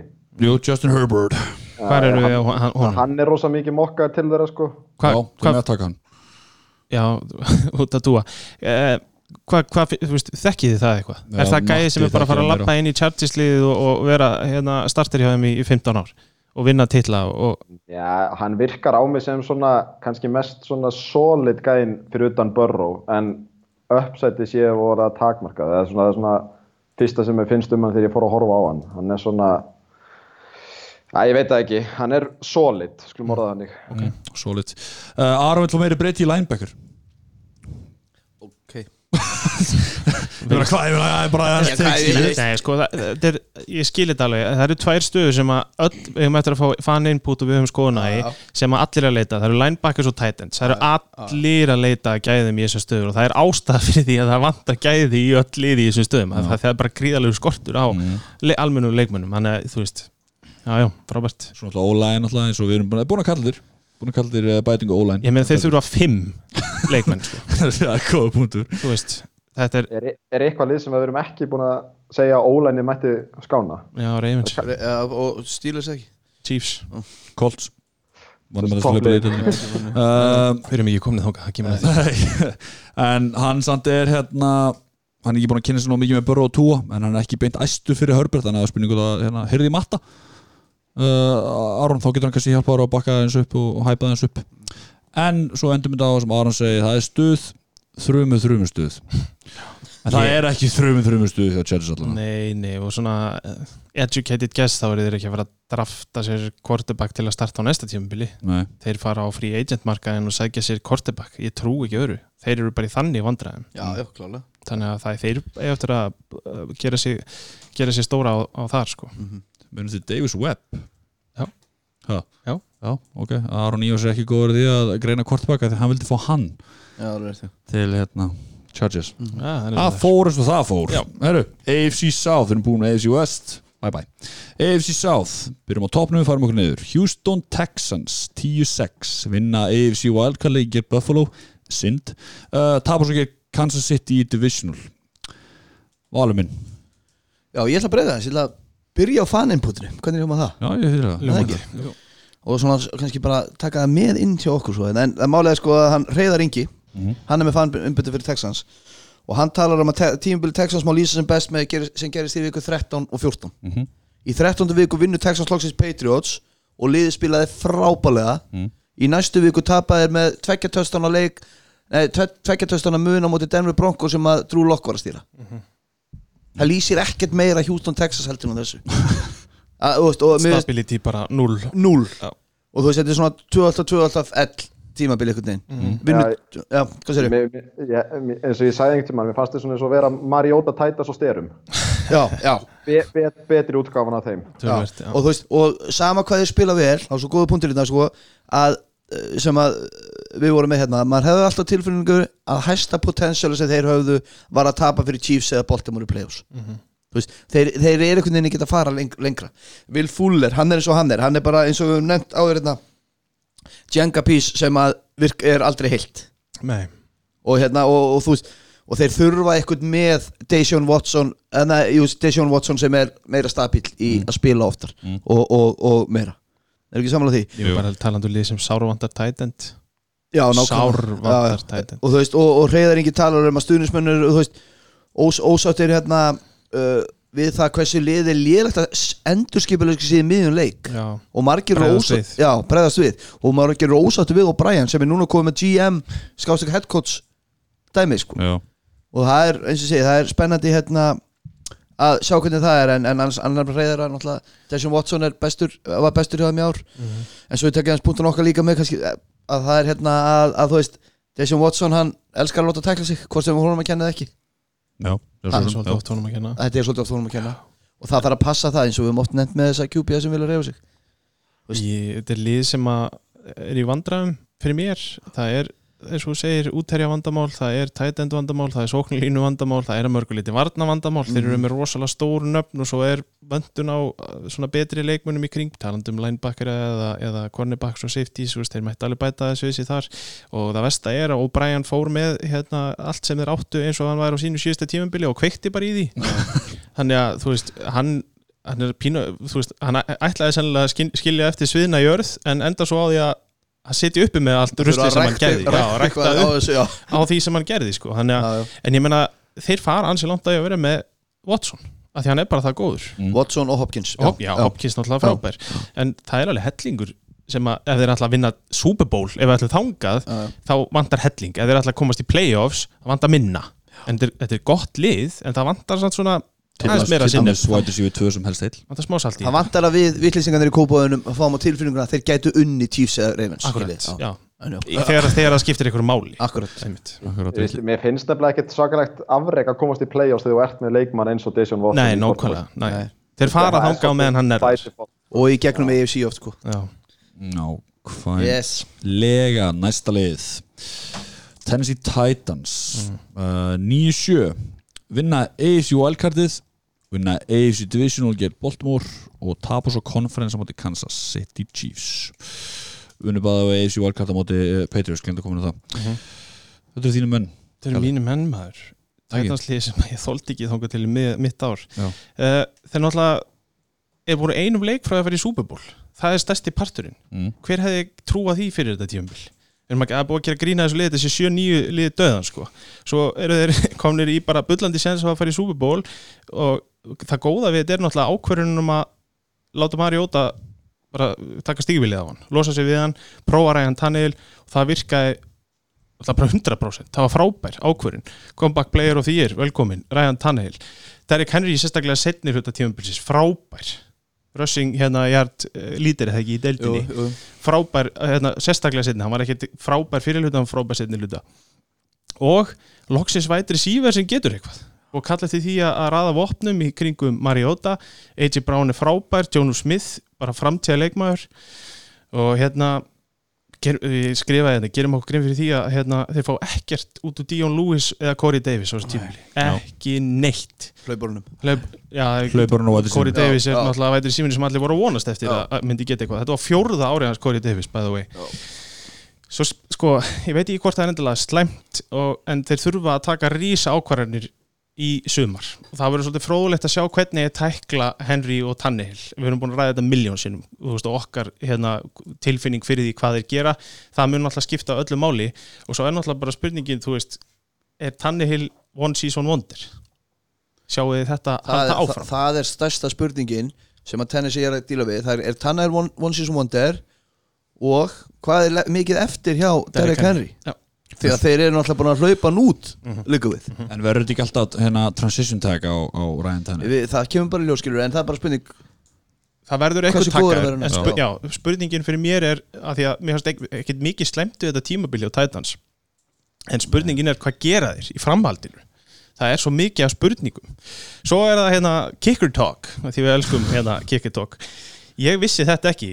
Þeir voru átta af átján í field goals á tímabilinu þeir tókur náttúrulega ekki fílg og er ekki þeir sem að tók ekki fílgól lang versta þeir hittu átta af já átján en bara átján fílgól ég fari í gegnum fjóra kickera á tímabilinu. Já en en tók bara field goals, ég er bara að taka field goals bara fílgóls nei nei. Hittu átta af átján tilraunum. Átján fílgóls Þannig að Derek. Henry fór bara með allt í- inn í Já, endamarki fyrir innan það. 30 Já, hjarta já, línuna já. uh, Ég skrifaði aftur hérna Greg Joseph, hann, hann fekk þryggja ára samning. Hann sparkaði heilt fílgól alveg eitt eftir að hann kom inn en var nýju af nýju aukastegum þannig að framtíðin í björst þessi samningur er not guaranteed fyrir Titans fannin sem við fundum ekki. Já, já, það, já, við fundum ekki Titans fan uh, því, En ef hann sendur okkur fyrir gefðu Við hérna bara fundum við ekki. Nei, nákvæmlega uh, er eitthvað, Nei, nei þetta er bara gott tímabil fyrir Titans. frábært tímabil hjá Titans, ekki gott þetta er bara ruggla tímabil, þú veist að, að við hérna, komast alla leið þangað sem þið komist er frábært og ég ætla bara að skrifa, segja það aftur hérna. Við erum búin að tala um Ryan Tannehill og Derrick Henry uh, Corey Davis er á fifth year option Tashi Sharp gæti ekki neitt, Jón Lewis var lélugur þú veist, þetta eru gauðar sem þurfa að fara. Adam Humphries er að fá nýju miljónir á ári fyrir að geta ekki neitt. Mm. hann var góður í á móti hérna, Chiefs, Já. þegar þið dutt út og hjálpaði hann þeim aðeins þú skrifaðir hérna Titans fanbase þarf að verða, verða fyrir vonbriðum held að þetta lið geti ekki búist í því constant playoff appearances ár eftir ár. Ég er óbáslega ósamála þessu af því að það er það eru bæði möguleikar til að losa sig við og gera nýja hluti og það eru möguleikar á því að þessi leikmenn sem erum búin að telja upp verið áfram góðir. Þannig að þú veist þetta tensílið í þessum riðili getur alveg gert hellingsluti. Vandamálið er að það er spurning hvað Texans og Colts gera. Já, já, þetta er þessi Texans. fellur á því að þú segir okkur þetta. Það veldur því hvað Titans nei, hérna hvað Colts og Texans gera. Ja, algjörlega. Þannig að það er bara líkilegt að Colts mun allan að speed í með að kapspes og annað. Uh, síðasta punkturinn hérna bara vörninn var rétt fyrir ofan miðju veist, hún er samt góð, hún var röngu held í 12 eitthvað svo leiðis Já, og hlaupavörninn er sterkar en kastvörninn er léleg og þeir þurfa að gera eitthvað í því þú Já. veist, en þegar því að við erum ekki að tala við neitt Titans fan, þá held ég við lókum þessu bara. Ég menna þetta var bara sjúklega flott tímabil hjá Titans eitthvað sem maður hefði aldrei í mínum viltustu vonum ef ég var í Titans fan gert mig grein fyrir. Og þau geta bara verið stoltir af þessu. Þú, þú ert stoltur ég er, fyrir hönd. Nei ándjóks Já, já, ég, við, já, já, við, við Já, nei, ég er bara að segja, þú veist, mér finnst þetta bara svo sturlað tímabil hjá Titans Pæli, ég, ég bara kemst ekki yfir að hugsa bara þessa setningu. Þeir voru einum leik frá því að fara í fucking Super Bowl. Eftir að hafa hendur Tannehill inn fyrir Mariota. Já, þú veist. Það er galið. Þetta meikar enga sens þessi Nei. setning Nei. Þessi setning meikar ekkert sens. Við ætlum ekki ekkert að dvelja á því. Uh, næsti, Næsta leið, Indianapolis Colts 7-9 uh, Þeir byrjuðu að vel þrátt fyrir skellin það að Andrew Luck uh, hættir eftir mót og hérna fóru alltaf 5-2 í, í byrjun, í byrjun móts. Ó-lænið bara alltaf bara pjúra gæði. Já. ég veist, spiluðu vel á köplum sem segir okkur að þjálfari og GM er að gera flotta luti og ég meina þeir eru með mesta kapspeysi allan í ár. Er að ég er spennandi að sjá hvað ég gera með þetta Kaspers núna. Já, það er alltaf framhaldið en stabíl góð hlaupuleikur eru Kolsvann minn alltaf hlaupuleikur dildri Ég meina Mal og Mack náttúrulega meiðist og þá er þetta bara sama og Emirates að eftir Já. að Mack meiðist þá fyrir svolítið sóknarleikurinn hjá þeim. Já, Já, og þá losnar ekki eins mikið um Jacobi Brissett sem að leipur stundum og svona. Sko. já, Brett, eða hvað heitir hann hérna sem var, já, Brian Hoyer, já, hann var komin í startan á þetta Brissett meiðist. Brissett er náttúrulega ekkert frábær heldur. Það gleymist alltaf að hérna Miami vann Colts í den tíð. Það uh, gleymist. Að gleymist. Og ég meina slæma, alltaf Mr. Andrew Luck Þetta sísum alltaf bara ein, byrja alltaf bara á því á þessum, þessum bruna rústum, þessum maður segja ég bara lestu bara setninguna bara einn eftirminnilegast og efnilegasta quarterback síðustu 20 ára, hann bara hætti að spila 20 28 ára gammal ára gammal já. það er náttúrulega bara, þú veist talandi um afreg að að vinna sjö leiki bara, hvað var þetta, tveim vikum fyrir mót Já. Já, það var eitthvað það er galið Já. og náttúrulega útærja vandræði þeir Já. eru náttúrulega bara T.Y. Hilton og Ekkert Þorleifsson. Akkurat nákvæmlega. Já, já, og Erik Íbrón. Já, og Jack Doyle. Það er slæmt. Já, Já, já. svo náttúrulega getur Herðu, þú ert að tala um Pro Bowler Jack Doyle Er þetta alveg próbólun sem að Rhodes var cornerback í? Er það sami próból? Þeir ringdu í bygga og hann bara var ekki laus ég svara ekki síman Það var podcast. ég var í baði þegar þið ringdu þannig að ég mistaði uh, ég meina, ég veit ekki alveg hvað ég, ég ætla að gefa Colts bara smá bara svona frípassa Já, ég, ég er Sammála því. Það ekki, Jú. þú veist, fá þetta að högga á sig tap fyrir Miami Úf. Og hérna, en framhaldið Capspace og leitin að næsta Andrew Luck. Já, ég meina, það er alveg ástæð til að vera bjart sitt hannig séð, ég meina, ekkert mjög, mjög, mjög spennandi leikmenn fyrir þetta sóknarlínumannin Nelson. En hérna, en, en þeir hafa það mikið capspace og það má alveg vera smá spennandi, spenntur en það, sko Philip Rivers Já, ég var til að sjá þarna. Ekki. með þessu sóknarlínu. Ég með þessa sóknarlínu og hann Frank Ræk var að þjálfa hann eitthvað Já. og, já, ég, Hann á alveg- skilið. Ég bara held að hann sé ekki að fara að hanga að kaupa sér hús á Flórida, ég held að hann sé bara að hugsa Tampa. Blessa, verður maður. Já, það er náttúrulega, að- þú getur náttúrulega ekki flóið mitt Indiana og, og Jú, ég veist, ég, ég herru mámaður, það er skoðin uh, Já, en bæta varlinn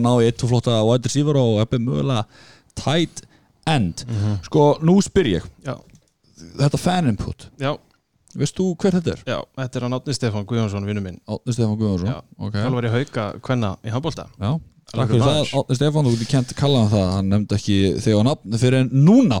Uh, Róslega eins og hann eins og ég, Róslega kalla skipt tímbil, alltaf byrjar hann á þessum, þessum hérna, flashy news að uh, Luck beilar. Pælið í högginu á fanbaseið.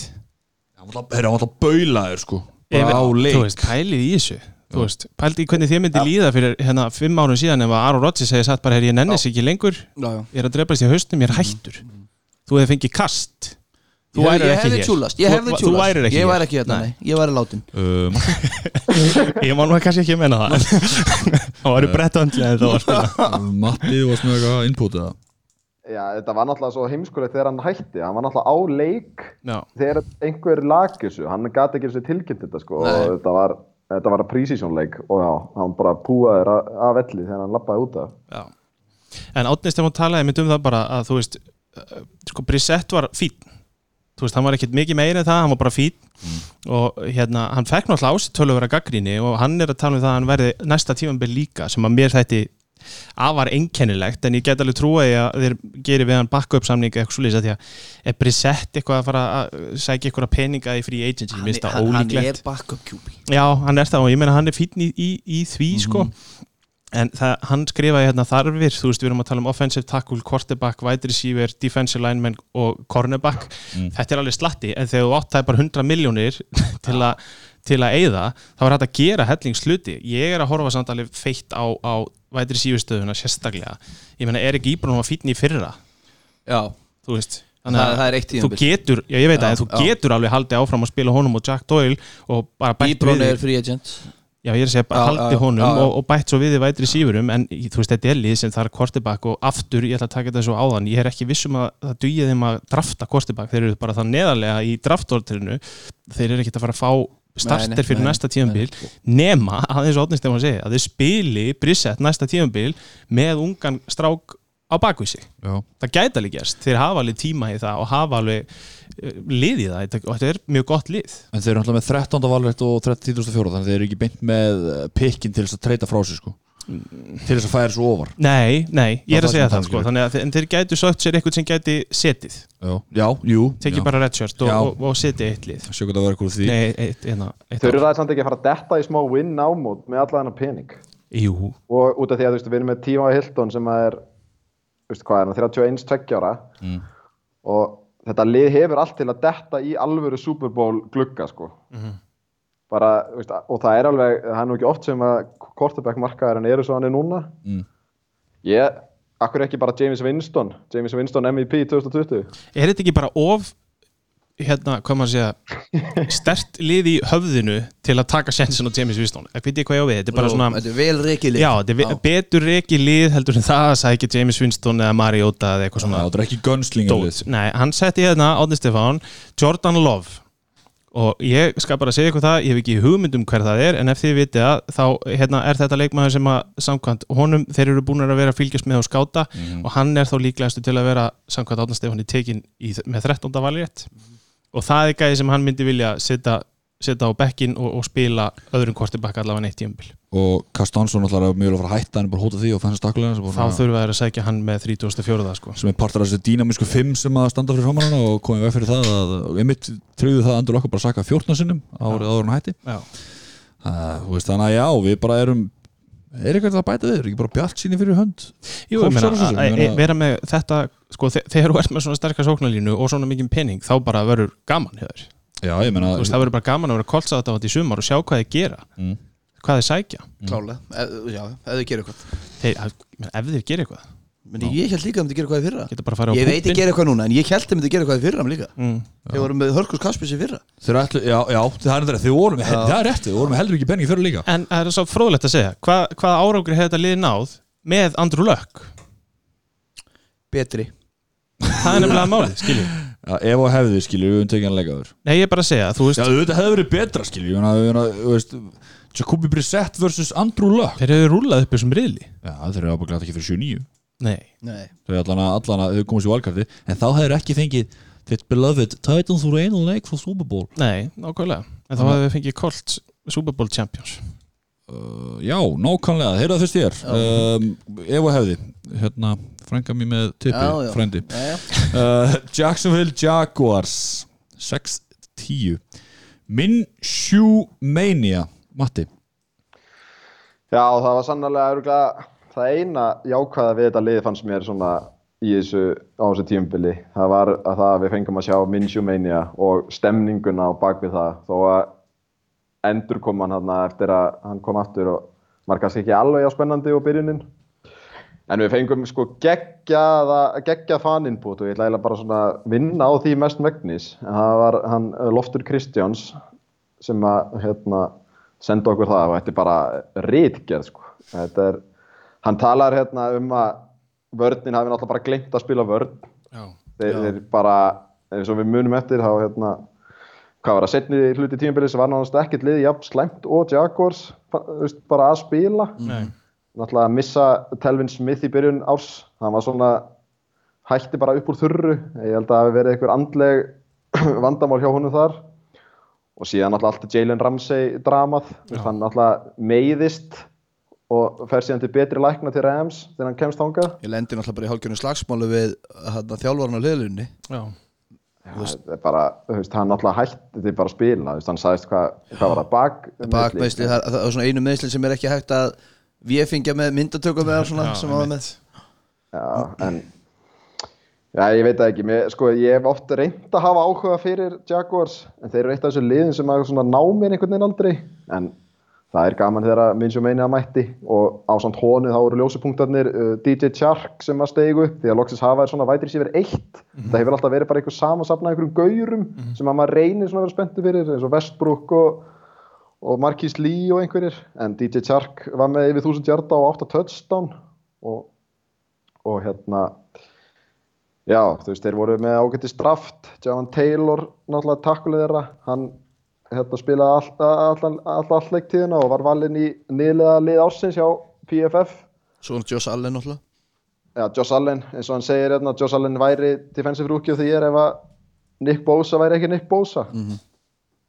Já, það er líka bara fróðilegt með Jacksonville þú veist, þetta er lið sem, eh, hérna, vörd sem að fólk var að taka óvalegi í fantasy og enda sem rangu 21 Þeir veist, bara... Það búist við svo miklu við vorum að tala um það hérna fyrir tímabilið að Jacksonville þyrst að treysta á vördina vördin er í góð og getur mögulega ná árangri það var ekkert að frétta hjá Jacksonville Jaguars- Jaguars vördinni og mörgu liti sennilega Jalen Ramsey bara að kenna. Þú veist hvernig hann hegðaði sér og, og hann, bara, hann bara spilaði ekki, hann bara nendi Ha- ekki. Hann átti að vera liðtói í þessari spurning. En, en svo má ekki heldur meina þegar að, þú veist, play, eins og að nefnir hérna loftur að þegar leikmannasamtökin segja basically ekki fara til Jaguars auðvitað hefur það líka áhrif á móralinn og, og, og annað hvernig Tom Coughlin var að haga sér. Á, á hérna, baku tjöldin. Já, já. Já, ég mitt segja það hérna veist, það er einhver trú í staffinu hjá eigandanum. Þú veist, hann ákvaða að gera Tom Coughlin á blóraböglinu sem hann áttir og reynda að skilja með við fréttinnar en ég hefði bara viljað sjá dramatískar aðgerir bara henda þessu öll út og sópa og sópa þessu öll út og gera upp á nýtt. Já. Og bara, þú veit að ég er náttúrulega búin að vera að pæla mikið í draftinu núna og þeir eiga hérna hvað, er ekki nýjunda pikk og það verðist allir vilja fá hérna Simmons frá Clemson, Clemson í staðinn eða fá í það pikk, hann er linebacker, samt spilar hann allt. Simmons. svona svisneskur ostaskeri eða hvað sem að byggja kalla þetta daginn. Það er teikun hill vardarina Jú, þessi svisnenski, langt bestu óstaskerin Mæli með að fólk að googla Já, það en þeir eru líka í vandræði með launatæki þeir eru, þegar við vorum að tala um Steelers áðan bara Jaguars og Vikings eru verra stattir í launatækinu, þeir eru þremur og halvri miljón yfir. En, en maður spyrja ykkur hérna, er þetta tímabil vomb, hvað, hvað væntinga gerði maður til Jaguars í sumar? Nei, ég veitur ég meina þeir, þeir, þeir heldu að þeir væru að setja síðasta púslispilið með Nick Foles. með, með Nick Foles. Já, Þannig að, já, það er náttúrulega spurning alltaf með fyrst tóku Nick Foles mun að þá skilur munið uh, í þessum quarterback uh, free agency klassa munið það einhvern annan eh, bara Nick Foles tilruna starf sem er búinn já, skilur, já, já. veist, það, það er það sem ég langar alveg að sjá. Og ég veit ekki hvort ég, svona þessu lútan á tímbili ég vil bara veit hvort þau eru búin að taka það fyrir ég bara segja svona. Bara hvort að samningurinn hans leifi það í rauninni Já. að það sé hægt að beila á honum. Já. Ná, hvaðum þá erum búin að kofra það og takk fyrir það, Loftur Kristjáns. Uh, AFC East. Það er næsti sem er eftir. Það er hérna liði sem að vinna það bara eins og alltaf. Það er bara eins og áskriftin mín að hérna Brasses, nei ég segi svona uh, Nú England Patriots. Ég ætla að segja ykkur áskriftin einu sem ég hugsaði, ég er bara byrst afsökunar uh, New Áttori Newell maður. Já, ma- já Kalli veit hvað ég er að tala um hann New England Patriots New England Patriots 12-4 uh, tapa sín í wildcard gegn Titans eftirminnilega. Þetta eru þínu menn Valur. Já ég, Þessu fyndi, við erum búin að tala um núna 12-4 lið, ég meina Chiefs voru 12-4 lið Mhm. er ekki rétt munið að mér Jú. Og við vorum bara, er þetta að segja eitthvað neikvægt um Chiefs á þessu tímbili Patriots voru 12-4 lið Mm. er þetta að segja mjög mörgt jákvægt um Patriots á þessu tímbili Já, já, vörnin, það er hægt að taka bara náttúrulega Já. einasta leikmann fyrir í vördinni og vilt tala um það sko. Tökum, tökum bara einstaklega vörnin, Mhm. hún var fín. Hún var góð. Hún var góð, mm. hún var ekki frábær hún var góð, Já, hún var góð Hún, hún hún, var en frábær að- skilju. menn voru að tala um bara hérna, eitt, eitt besta, varnali deildar, nei hérna sögunar í já, byrjun það er náttúrulega við verðum að skoða á Já, ég er bara að segja það, meina, það er það sem umtalið en við erum að tala um núna tímabil Svo allt. með Við erum að tala um allt varnari Við erum ekki að tala um fyrstu öðru Við erum ekki að tala um leikina á móti sko léluðu liðinu þegar þau voru virkilega nei, þeir voru góðir. Vörnin var mjög góð. En ef þú horfur heilt yfir þetta tímabil myndur þú segja að hún væri frábær hefum Ég meina, hún, hún, þetta er besta vörnin í deildinni, rönguð. Heilt yfir tímabil myndur þú segja að hún var frábær vörnin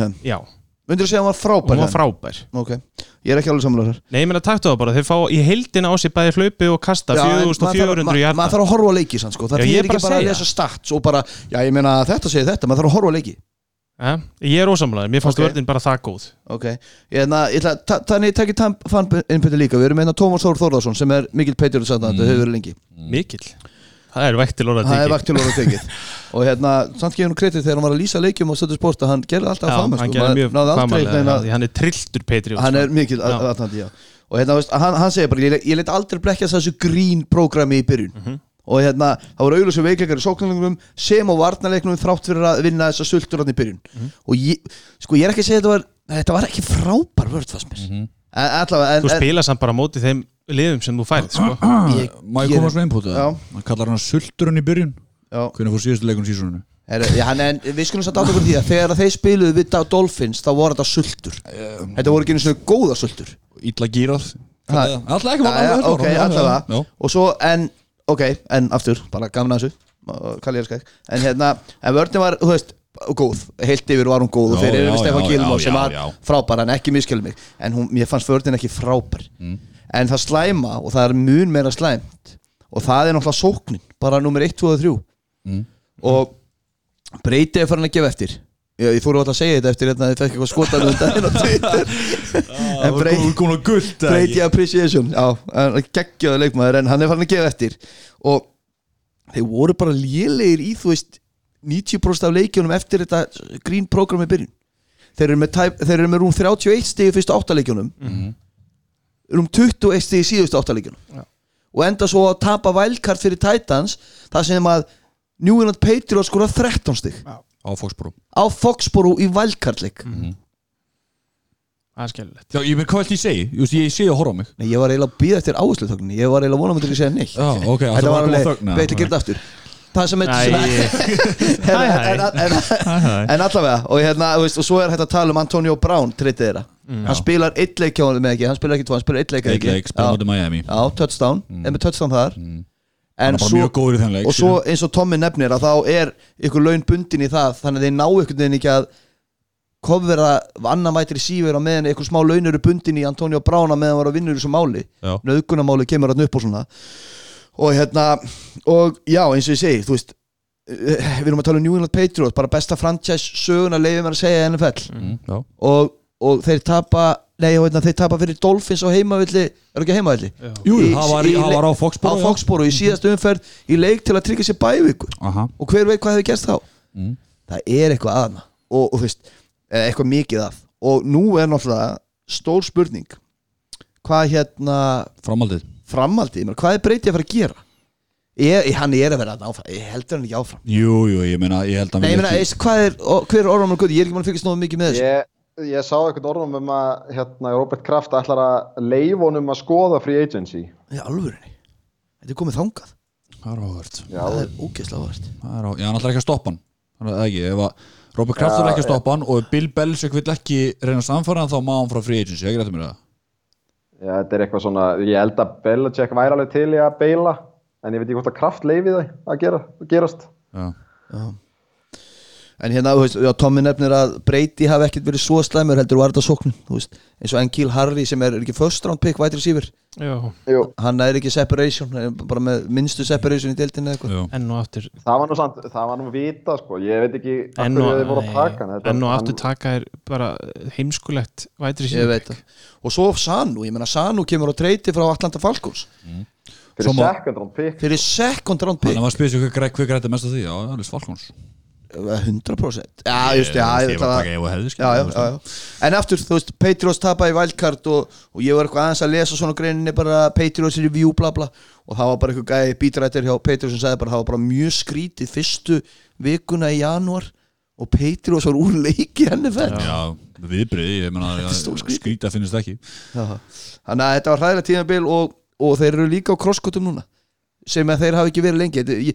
Mér líður svona svipað og þegar Man United þegar Alex Ferguson hætti á Man, Man United.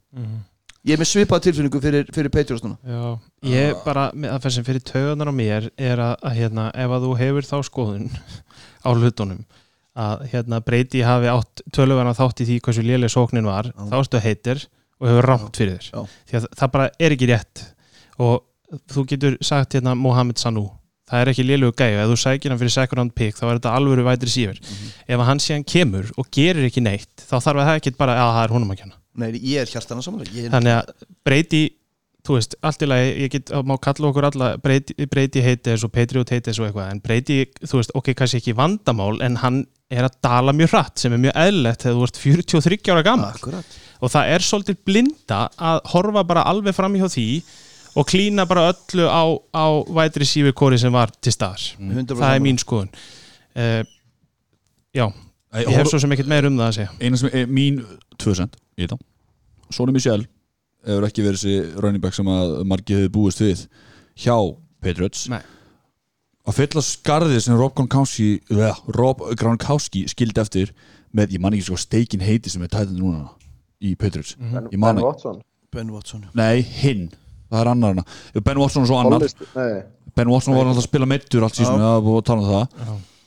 Þú ert með Julian Edelman, jú hann náttúrulega er kannski þessi mest dynamic wide receiver hann er samt alveg árun, eldri. Hann er og eru þar með orðin nokk, Alltaf má eitthvað segja skrefinu hægari, það er alveg, má alveg segja það. Hann er samt góður hann er góður, ég veit það þú veist, best hands in the game hérna Booker og allt það skilur þú veist, en, en það er þetta Michael Thomas ég veit að ég er að gefa honum Já, þetta skilur og fatta my point skilur. Ó, þetta er svo gammal veit en hérna, þú veist, þannig að satt- er satt- my point being er þetta- klína x-miklu á, á, á breyti, hann að þetta er fyrir þryggjara skilur en samt það eru voru mennana sem voru ekkert að performa. Mhm. og það er að fylla upp stór skörð eins og gronk. Þetta er bara ma- þetta er spil margar þátta. Ég er alveg samanlega og Og það það sem, að, það sem að breyti það náttúrulega er stuttan kastleiki. Menn hafa með 6,6 hjarta meðaltali í, í kasti. Já, hefnuðu kasti, ef maður rétt. En hérna og, og að því að nú horfðum maður á leikina og hérna og löngu kostinas eru bara ekki nægilega góð. Já, og sáu þetta, tókuð eftir þessu ja, vel og ég. Já, já, ég menna og að, að líta bara framhjóði og, og, og öskra bara í, út í vindin á, á Dorset og Harry og, og hérna Edelman og Sanu og þú veist, þú veist mm ég menna það er bara eins og það er. Menn geta gert það já uh, en runningbæstaðan hjá þeim er vandræði. Ekki spurning, Titan staðan hjá þeim er vandræði manninu sem þú ert að leita er Matt Lacoste og Ryan Isso akkurat takk. Veist, Brandon Bolden og Damian Harris þetta er náttúrulega bara ekki, ekki gott sko. En Já. ég menna, jú, vissulega, vantaði upp á vopnin. Það er galli að horfa bara á eitri sífustöðuna, það er víða pottubrótin hjá Patriots og svo og náttúrulega ólæn þjálfarni Dante Scarnecchia Já. Scarnecchia Já. var að hætta sem Tom, Tommy nefnir það einmitt að það er bara besti, besti special teams eða svona uh, position þjálfari Já, ólæn þjálfari Já, sem deildarmanni náttúrulega bara, já. telur ge- þungt skarð, hoggið Þannig að, en, svo við endum undan orðum hans Tomma, uh, við getum séð eitt max 2 ára Patriots að vinna 11-13 leiki en endurlöki nálgast þegar það kemur þessu ofveldi eins og búast mátti við Já. við þökkum bara fyrir hverja mínútu Já. Það er svona smá Þetta, þetta er frábær endir, Já. mér, mér langar að það kom eitt punkt viðbútt, sorry Þarftu það eða ekki það? Nei, ok, Jú, hvað er ég með það? ætla að spyrja hvað á Belichick mörg ára eftir í þjálfum? hann, hjá þeim Já. No, Nó, Já, hann er já. 67 ára Já, já, hann mun okkur Já, frista líki sitt hvað og er eitthvað sko. Karol gammal? 73? Já, reyndar, hann á tíu ára eftir að hann vill það ef hann vill að, já, ok, já, ok Nei, Mér langar bara Ég að fá eitthvað meina- teika á þetta Eina spurningu samt til Vals og Kalla Já. Okkur má ég ekki svara Spurninguna. ég ætla að spyrja á hvað þeim fannst um vörnina hjá Patriots? Nei, ok, sko, nei, ég er að please tjóka ekki. Herru, förum við yfir eitthvað sem skiptir máli? Raunulega skiptir máli. Má hægt að hringja til þess það Já, Hvað er það? Yes! Buffalo Bills 10-6 uh, Tapar þetta í Wildcard gegn Texans. Riggaða leikur. Eins og það er. Mhm. Jæja, við erum tveir Við erum erum þrýr Við erum tveir hérna lestastjórar Já, Kalli, my fellow lestastjóri já. Hvað finnst þér um, um besta lið ásins? um, Ef ekki bara hjóla beint í, í hérna uh, inputi frá Gretaringa Please það do. ekki bara ráð? Þa, það er bara það, shout out á Gretaring hann Já. er fan since day one og hann er, hann er bara proper bilsari hann Já. er Bills klukk og okkur rugl Já, ég ránaði með, ég ránaði með svona Hann menn er það sko. gæðin sem keipti klukkuna þegar þú ætlar að gera það Ég veit það ekki Alltaf ég ekki á klukku Já, heldur betur og ætlaði að hengja hann upp í skúrnum sem átti ekki. Hann er líka EJ Manuel trey. En hoppaði hann í gegnum borð? Það er- það lítur að vera spurningin. Það er spurning, hvað meistur að hoppa ekki um borð? Það, your guy. Ah. Nei, nei, ég meina það er ímislegt jákvætt. Per- við skulum bara geima Greta þá aðeins og förum bara í jákvætt. Ég meina vörn, vörn, vörni var frábær og Devin Singletary var frábær. Og, og Josh Allen, við köllum sko, fyrir tímabilið vorum við að pæla með Bills að þakið væri playoffs. Bara algjörlega möguleiki fyrir þá og þeir ná því sem er frábært og meina, tökum, þú veist með Josh Allen sem við kölluðum eftir að þyrst að bæta sig og hann gerir það að mörgu leiti, hann er nákvæmnari hann er fimm- 58,8% í ár 52,8% í fyrra, við vorum að kalla eftir yfir 60%, hann er að nálgast það allavega, vandamáli náttúrulega að hann fömblar hvað 14 sinnum og gefur frá sér nýju bolta það er agalegt, ákvörunatakan rapaði hjá honum þegar að accuracy hækkaði, það er ekki gott og hann þarf að laga það, en það er hérna, horfum á Devin Singletary aðeins. Þú veist, geggjaðu leikmaður frábær leikmaður og það er eitthvað sem þeir eiga eftir að búa að bara næstu ár. Þeir hins vegar mega eh, losa sig við Frank Gore eins mikið legend og hann er og ég er hrifin af Frank Gore þá spilaði hann allt og mikið á þessu tímbili Devin Singletary hefur sennilega komið aðeins og seint inn en það er bara eins og það er. Uh, þeir skor ekki nóga mikið 19,6 stegar meðaltæli í leik veist, tíunda vestæði deildin, það er ekki gott. Og þó að John Brown sé uppáðsleikmaðurinn okkar Binni- nei hérna byggjum minn þá væri allt í lagi að bæta aðeins við sér þar ég held að það sé komin tíma að hérna, jafna sig á því að, að vætir í sífurkori talandu hérna, vætir í sífurkori á liðum. Þú veist, ef Patriots ætla að grenja þá mega þeir fara og lesa vætir í sífurkori á Bills. Ég held að það sé allt í lagi. Cole Beasley og, og John Brown já, það er frábært. Já. annars bara tökum Gretar hérna hann er bara, þú veist, þrátt fyrir súra endan á tíumbilinu, þá er Bills aðdáðandu bara hrikalega ánægur, þetta er náttúrulega eitt skemmtilegasta fanbase í deildinni sömu leiðis, þeir eru gjössalega trilltir.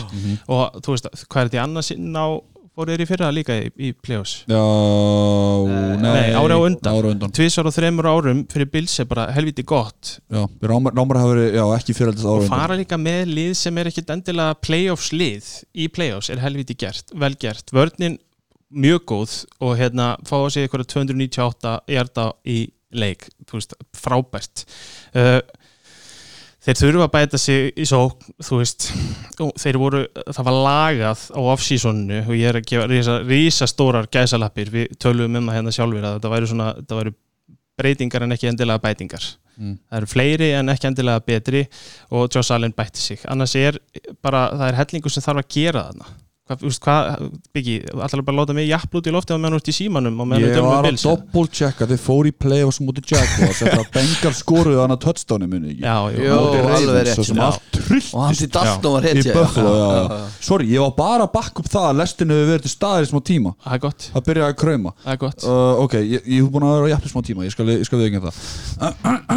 Sko, með Josh Allen í heildina hefur hann bætt að leiki svona á, alla vegu mm Mhm. -hmm. uh, Fömblaði svolítið mikið, ég skal við ekki það en hann var þessi playmaker, skilur og ég meina, og, og eins og Gretar hefur talað um hann segir hérna að, að þú veist, fanbaseið þarf áttu svo því að hann er ekki þessi quarterback sem er að fara að vinna leiki bara með hendinu sinni, hann er bara playmaker mm -hmm. saman hvað er með löpunum sínum eða, eða að gera mikið úr engu um, 23 turnover er eitthvað sem þarf að laga það er bara samstundis. progress, skilur, trust the process. Uh, það, það er alltaf endir á hérna lestarteinunum hérna, ekki bilslestinni Nei, ekki, nei, það er svo, það er alltaf uh, eitt sann sem líka, Josh Allen græðir á það er engin breyting á Já, já. alþjálfari geggja, ég er Já, McDermott hans, smá vanta adjustments í hérna, síðasta leiknum það var svolítið já, en, en, hann er samt að vinna með já, já, og Brandon Beanie sem er hérna er ekki hjá Bills, ekki að segja það, hann fór ekki frá Bills þannig að það er ekki, það er ekki að justa í rauninni Josh Allen að nýjum uh, sóknar skími og allt uh, það.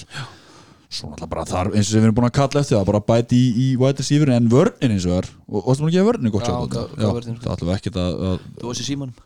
Ég var að kanna ég var að kanna þennan eftirminnilega leik. Að þeir eru svo fokkin finnir uh, það er bara potential í vörðunni hún er brókislega góð. Hún er ógeðslega góð Já. og ég veist, er eiginlega er, getur við ekki på top 3 vörn í þessu delta mm.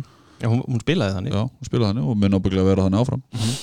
Uh, og Gretar endar þetta bara á uh, hennum fleigurðum Go Bills Ok, uh, list, lestin, uh, verðum við ekki að onn og lesta næsta ára? Þeir að þurfa, þeir þurfa að bæta við vætri sífikori nummer 1, 2 og 3 að því að vörðin er góð, sóknin er fín sóknarlínan er, er nóga góð til að halda honum á löpunum. Og ákvarðanatakan þarf að skána og hann þarf að drulla sér yfir 60% completion rate þegar þú kasta boltanum ekki meira en hann gerir. Mm, ok. Þú getur ekki verið 50 og eitthvað prosent kastari þegar þú kastar Þetta er bara já en eða spurning já, sko. kannski verður hérna lestaliðið okkar svona eins og Team of the ATL eins og kollega okkar Vestanhás sem þeir eru hættir að því að þeir eru ræp alltaf upp á bakna ég er bara hérna, uh, Og við Viking svona Ef að Bills vinna, AFC sem er toppikinu bór sem ég kveiki á næsta ári. Ég held að þú væri hættur þessu. Yes! þá áttu actually tvíbura sko. andandi bara upp á skiptiborði Þá skil ég reyndalega með toppikinn Ég er ekki að gera, ég er að fóka annan að gera það með mér næst. Uh, allan að bara go Bills Bills Mafia, Bills lestin áfram að bara handla næst, bye bye, bless bless. Uh, New York Jets, næsta lið. 7-9 lið sem að engin uh, á. Adam Geis eins og hann er, Matti, þú ert svolítið Adam Geislegur Legur. Það er bara útlitið Já, og já. Er ég, já, það er bara að hafa það held ég. En New York Jets voru náttúrulega bara lið sem að voru svona, þeir voru alveg svona heimskulega hæpaðir fyrir þetta tímabil núna. Veist, þeir svolítið bliknuðu hliðin á Browns hæpinu. Mm. En það var alveg, þú veist, náttúrulega þegar þú fær Bell og svona það er ennþá, þá veist það, og ert í New York, þá eru fjölmiðlarnir eldaði út um allt. En það var ekki mikið jákvætt í þessu, þessu ári hjá þeim. En það fyrðulegast að við þetta lið var að það vann samt sjö leiki. Mér fannst eftir ég hugsa um Jets 2019 þá fannst mér mjög skrítið að þeir unnu sjö leiki. Já, ég sammála þér. Svona eftir á Og- higgja ef að þegar ég er búin að gleyma öllum tölum þá fannst mér Jets eitt lélegasta lið í deildinni. Já, akkurat. Og þeir bara svona, að ég veit það ekki mér fannst þeir einhvern veginn svona klaufast í að vinna leiki einhvern veginn, þetta var einhvern veginn aldrei sannfærandi. Já, en það glemist að Jets töpu á móti Bengals og Miami í ár, ég segi svona. Pæli í því. Hvaða leiki unnur? Eða töpu á móti þessum Unnu prumpum? allavega hana sjöleiki Unnu Ég er að Miami einu það. sinni. Já. og þarna. Nei, nei, á, sorry Matti. Allt í góðu. Hérna, já, bara þú veist, þetta er náttúrulega gengur allt á Sam Darnold. Þú veist, hann er bara 22 ára eins og staðin núna og er með 2 ára starting quarterback reynslu í raunni Mm. Og, það þarf að passa hann. Og það er náttúrulega það sem Adam Gase átti að gera þegar hann kom en svo kemur náttúrulega ljós að Adam Gase lifir í einhverjum allt öðrum heimi en við. Hann, þetta, það er svo skrítið að fylgjast með honum og hvað Jets hafa miklu að trúa á honum. Veist, hann liggur við fekk að velja sér GM þú veist, GM-in var rekin bara eftir þrjár vikur. Og En e e eitt samt í þessu, þú segja að Adam Geis er að passa betur upp á Sam Darnold. Hann getur ekki verið að elta hann og klúpa meðan hann er í sleik út um alltaf að fá kossakett Það var alltaf ykkur, byr, ykkur byrjunin maður. Æ, sorry, þetta var gefins Taylor. kossa geta máli. Stóra kossakett Já, hann er svona þólir ekki Adam Geis Bell. Það er náttúrulega líka stór Það er bara Þú veist að þjálfarinn þólir ekki eitt besta rönnibæk deildana síðustu ára sem er nýkomin til liðsins. Og það bara, það bara liggum við gefum það út. Hann gerði það Já, bara. Og bara um daginn þarna, þegar hann sagði að sku- að maður spurði hvort að Bell verði með næsta ári og það var bara, ég get ekki svarað því það er GM eitthvað Já, þú, þú veist, hann er náttúrulega svona næstu því eins og Bill og Brian, einhvern veginn líðumanni, þú veist, hann ræður þessu liði þó að hann sé ekki með GM stöðuna. Og þetta var líka svona með CJ Mosley, veist, það kom bara strax fréttir þegar Geis var á þinn að hann var ósáttur með hennan Mosley samning og hennan Bell samning því að linebacker staðan og runback staðan eru svona hafa það sammeilegt að vera ekki mest valuable stöðurnar. Maður sá samt hvað vörnir bara fyrir og eftir Mosley. Já, ég er ekki að segja að Adam Geis hafi rétt fyrir sér. En það, og það bara jákvæðast að við það þeim tókst að vinna sjö leiki þannig að eitthvað er greinilega smá að virka. Sam Darnold er ennþá að sína það að hann sé efnilegur, þú veist þetta hrund ekki hjá honum. Þú veist maður er ekki með ótrúlega mikla áhyggjur á honum.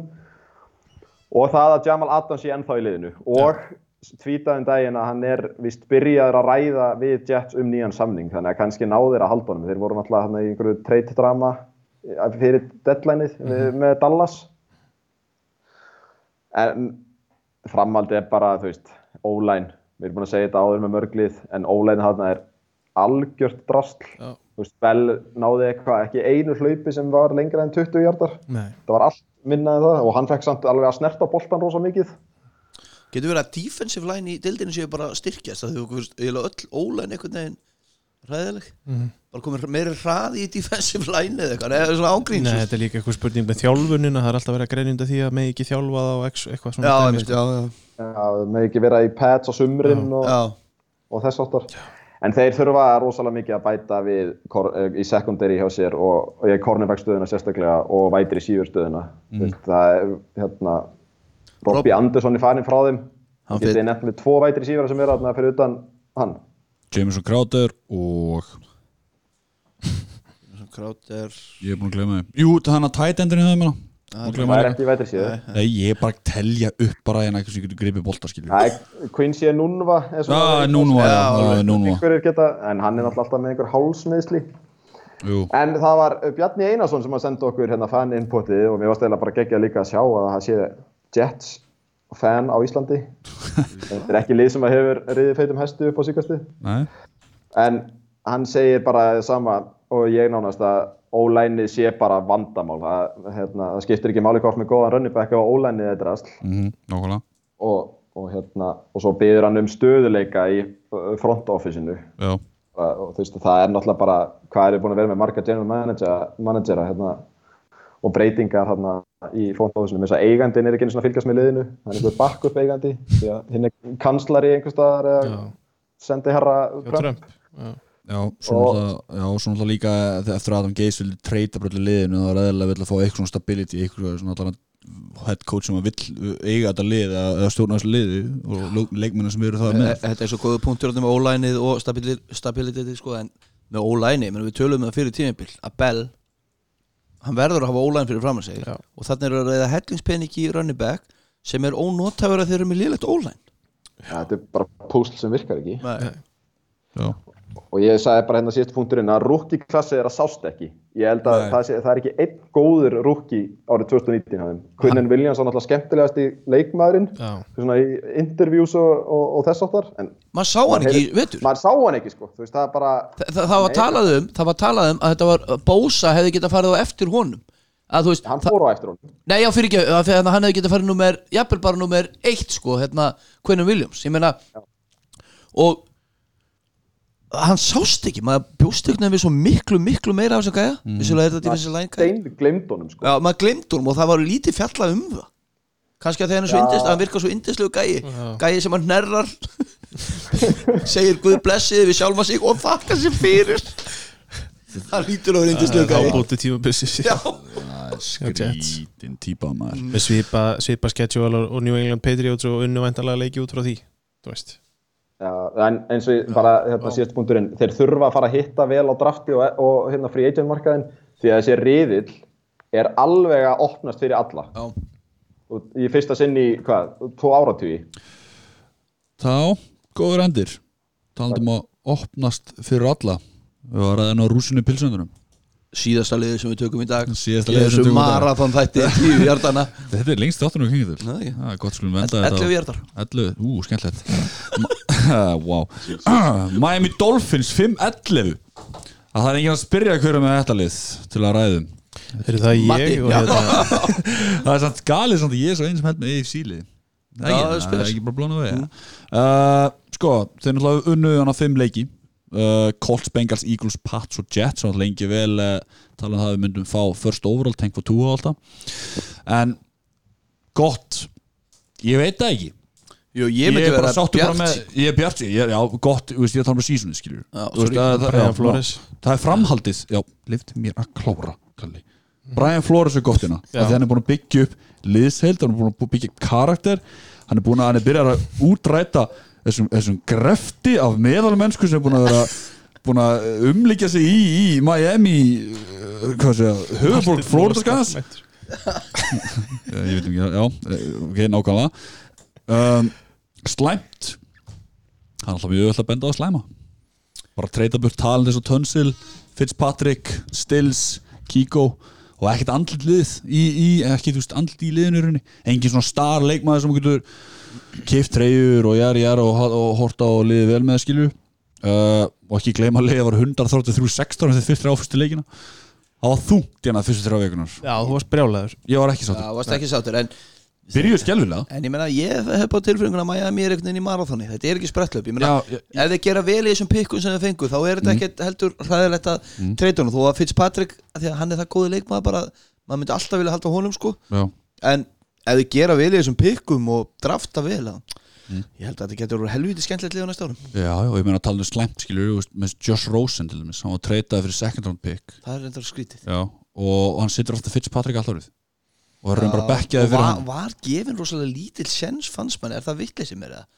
Já, bara því hann, að því hann var- eins og Brian Flores orðaði, hann var ekki að gefa okkur besta sigur potensiali skilur hans take á það að Josh Rosen væri frekar að valda væri frekar veikleiki heldur en að, Ok, að vera betri kostunur þess að hann valda frekar Fitz ég forðaðist að fylgjast með Miami lengi vel skal við ekki Já, ég meina, front officeið vildi fara 0-16 Mm. Brian Flores vildi vinna leiki sem er geggjað. Og hún var að því virðist bara drullu sama hvort Josh Rosen er þið betri eða verri. Og, já, kostur. nákvæmlega, og auðvitað viltu sem leikmaður vinna leiki. Já, já, þú ert ekki að segja bara, heyrðu Kalli, við ætlum að tapa þessu leika því við þurfum að fá betri leikmenn en þig þannig að Nei. þú spilar ekki næsta ári nákvæmlega og tímapunktið þá náttúrulega talaði þú um þetta þetta væri bara XFL-lið þetta væri bara djók, það væri bara engin leikmæri í þessu liði sem ætti skilja að spila í NFL-tildin 53 auðmingjar Já, þeir eru þá allavega búin að vendalega finna ykkur að gauðra þarna sem geta kosta lítið og verið á, á launaskap já, já, en ég meina því, því getur afsökunum með leiði þú 100 Já, ég er, ég, er, 16 byrjun. ég er ekki að gaggrina 16 þig Ég var mjög sammálaðir En það er Góð mjög 16 gott samt að Sko það var náttúrulega algjör óþarfi, óþarfi að finna Eagles.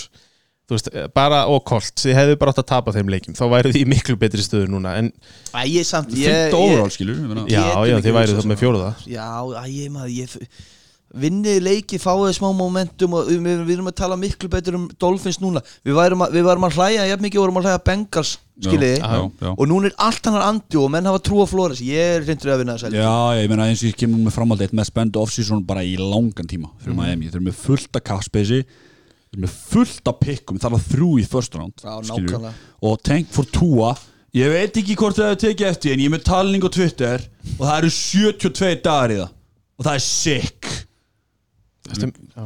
Það er að náða samir hérna. Og strax búið að tok- stokka sér upp í þjálfarteiminu Já, já, það er búið að breyta hvað offensive coordinator, Ok. linebacker coach defensive back coach og uh, Brian Er defensive back coach sem farin? Þetta er ekki hálfviti sko. Þá var það búið. mótið 49ers Fórandi fórtinæðinnes Glæsilegt maður. Herru, hérna Það er fan input. Ég veit ekki hvað þið þekkja hann Þetta er byggjan er djúvis meistari. Já, er draft 2 attack. Nei, hérna Ásins, ég, veist, ég trú ekki sem að lesa textið sjálf um mig. Hérna, ég ætla bara, ég ætla bara að taka einn punkt. Og kom einn stór sigur. Svo stærsti. Patriots. Foxborough 29. desember. New England Patriots er að vinna bara við 24-20 Pats þurfa að win fyrir að komast í bye week. Hver kom? Rungmúfan loki augunum, loki augunum Fitzpatrick, kastur á Mike Gesicki. Boom, game over, that's game. Ha, wild Hver, card hver var það að segja sem kasta á, á var, það, var það Rungmúfan Rungmúfan Ryan Fitzpatrick kastar á Mike Gesicki. Kekja Þetta var allt saman worth it, allt kjaftaði, allt síðan skiptir engu máli. Af því. Brian Flores og hans þjálfarateimi hefur lind vinnusemi hugafarið að ekkert nema sigudugar og degi fyrir klúbin búið að skóla út stóran hluta meðalmennskunum og ræfils hættinum Þetta voru tíu jardarnir, takk, takk. Nei, veist, þetta er náttúrulega samt bara hvað árlegi eða, eða já, nánast annual sigur Dolphins á Patriots. Já, það er ótrúlegt. Patriots er alltaf í vesinni þannig að þið muni þetta ruggkerfið sem þið tókuð þetta í fyrra já, þegar að hann snýri Gronkowski yfir í retirement þannig varnalega að, að það er svo sem ekki nýta Miami hyrði leika af Patriots eða það skiptir einhverju máli. Nei, við erum vanið því mm. er, ég heldur rekord sér 14-6 á þessu áratug það er svo það er 6-14, þú segir alltaf Já, ok, ok já. Það er ábyggilega betur en á móti öllum hinnum Hvað, hvað, hvað, hvað Þú ert ekki búin að vinna 14 leiki Nei, ok, njú, ok, ég held ég viti því ég segi 14-6 Já, ég skilji hvað ég er að tala Í þessu um. samhengi, já, New vissulega. England Patriots búin að vinna 14 leiki, Miami 6 Já. En já, Bulli Kaspes fullt af Valertum og Birgir Þór Björnsson með dúndraði stampinu fyrir offsínsinu Já, ég bara á meðan að þið farið ekki með þetta capspace og sænið einhverja hálfmeitar pulsur frá Seattle Ég er bara sko, það er ástæður svona gæðir eins og ég er ekki Já, nei, Í þú front veist, office. bara á meðan að það er vel farið með þessa peninga Já. veist, og, ger, og eitthvað að viti gert þá er ég bara mjög spenntu fyrir Dolphins liðin á næsta mm. tímbil Ég held ég myndi sæna Trubisky og svona 10 ára díl Já, ég hef áhugjur af því. Og því að þeir fara að sækja þessu kláni. Þú veist, mér finnst það bara ekki já, gott. já, Svo náttúrulega núna náttúrulega er eh, þurfum að gera þetta rétt, skilur Við. Erum alltaf byrjuð að gera þetta rétt Já. En það er auðvöld að klúra þessu, eins og þetta að segja Basically sagður ég, Það er það sem ég er að tala um já. Ég að segja, ég veist, það er skrítið að tala um steili Ég ætla ekkert að tala meira um að Miami voru bara lélegir í ár En það spendið þeim fráhaldið Þá höfum við lokið okkar yfirferð á Þetta AFC er marathon þáttur, ég ránaði með þetta strákar. Klukkutíma 50 Undir 2 tímur svont Já, Já, þú ert eftir að bæta ykkur lögum inn í þetta Shakira, Shakira. Aldrei veitur en ég bæti með lægi Hvað er upp á slægið, Valur? Upp á slægið mitt bara ever. Bara hvort varum upp á Ég ætla að segja Black með Pearl Jam Gott lag. Það er fáránlega gott lag. Plötunni 10 Já, á plötinu 10, lag nummer 5 eða að 1990 Vitið okkur 10 heitir 10 með Jam? Af Því að Mookie Blaylock var upp á sleikmaður Eddie Eddie Vedder og Jeff er veist og hann var nummer 10 og hljómsveitin átti upprunalega að heita Mookie Erum við að Blaylock fara að vera með Pearl Jam Heyrðu, við erum að taka Dan Hansus á þetta alla leið og við erum að fara með Ok. Grunts podcast Ég er til í það. Ok. Tökum Soundgarden Það er eins og Við það. ættum að ná tveimur tímum. Uh, Klukkutími 57 og ennþá ná þessu. Þarna, Já, í næstu viku tökum svo NFC uppgjör Næstu viku og síðasti þáttunum sísónu Fokki nei, það var bara tveir, tveir mánuðir Já, tveim og þá tökum við tökja á pásu. Hittust drafti fyrir draftið, já. En við klárum NFC Já, Erum við komið með öll lið þar? uh, Nei. Detroit Lions. Hittir ekki á okkur breyta þar eða eitthvað? ég, ég, hérna, ég veit að svo sem að þekkir hann uh, er íslenskur. Viltu senda mér skilabóð og segja mér hvort hann tali ennsku og íslensku? Ég veit ekki alveg hvort hann tali. Af hverju ef hans, aðja, ok, ræðum þetta senna Við skulum ekki fara í tóður, reynum að halda sundu tóður ok, 1.58 Black, Pearl Jam, það ekki? Mér lýðir sér að vinna útastöðu svona á kvöldin. Já. Engin hlustan, við höfum ykkur sjö fræður sem vinna nætt og eitthvað. Eitthvað binni enn í tíallu og hérna það hindi Þetta verður þig. Ég heiti Birgir Þór Við erum tíu hjartanir, takk, takk, bless, bless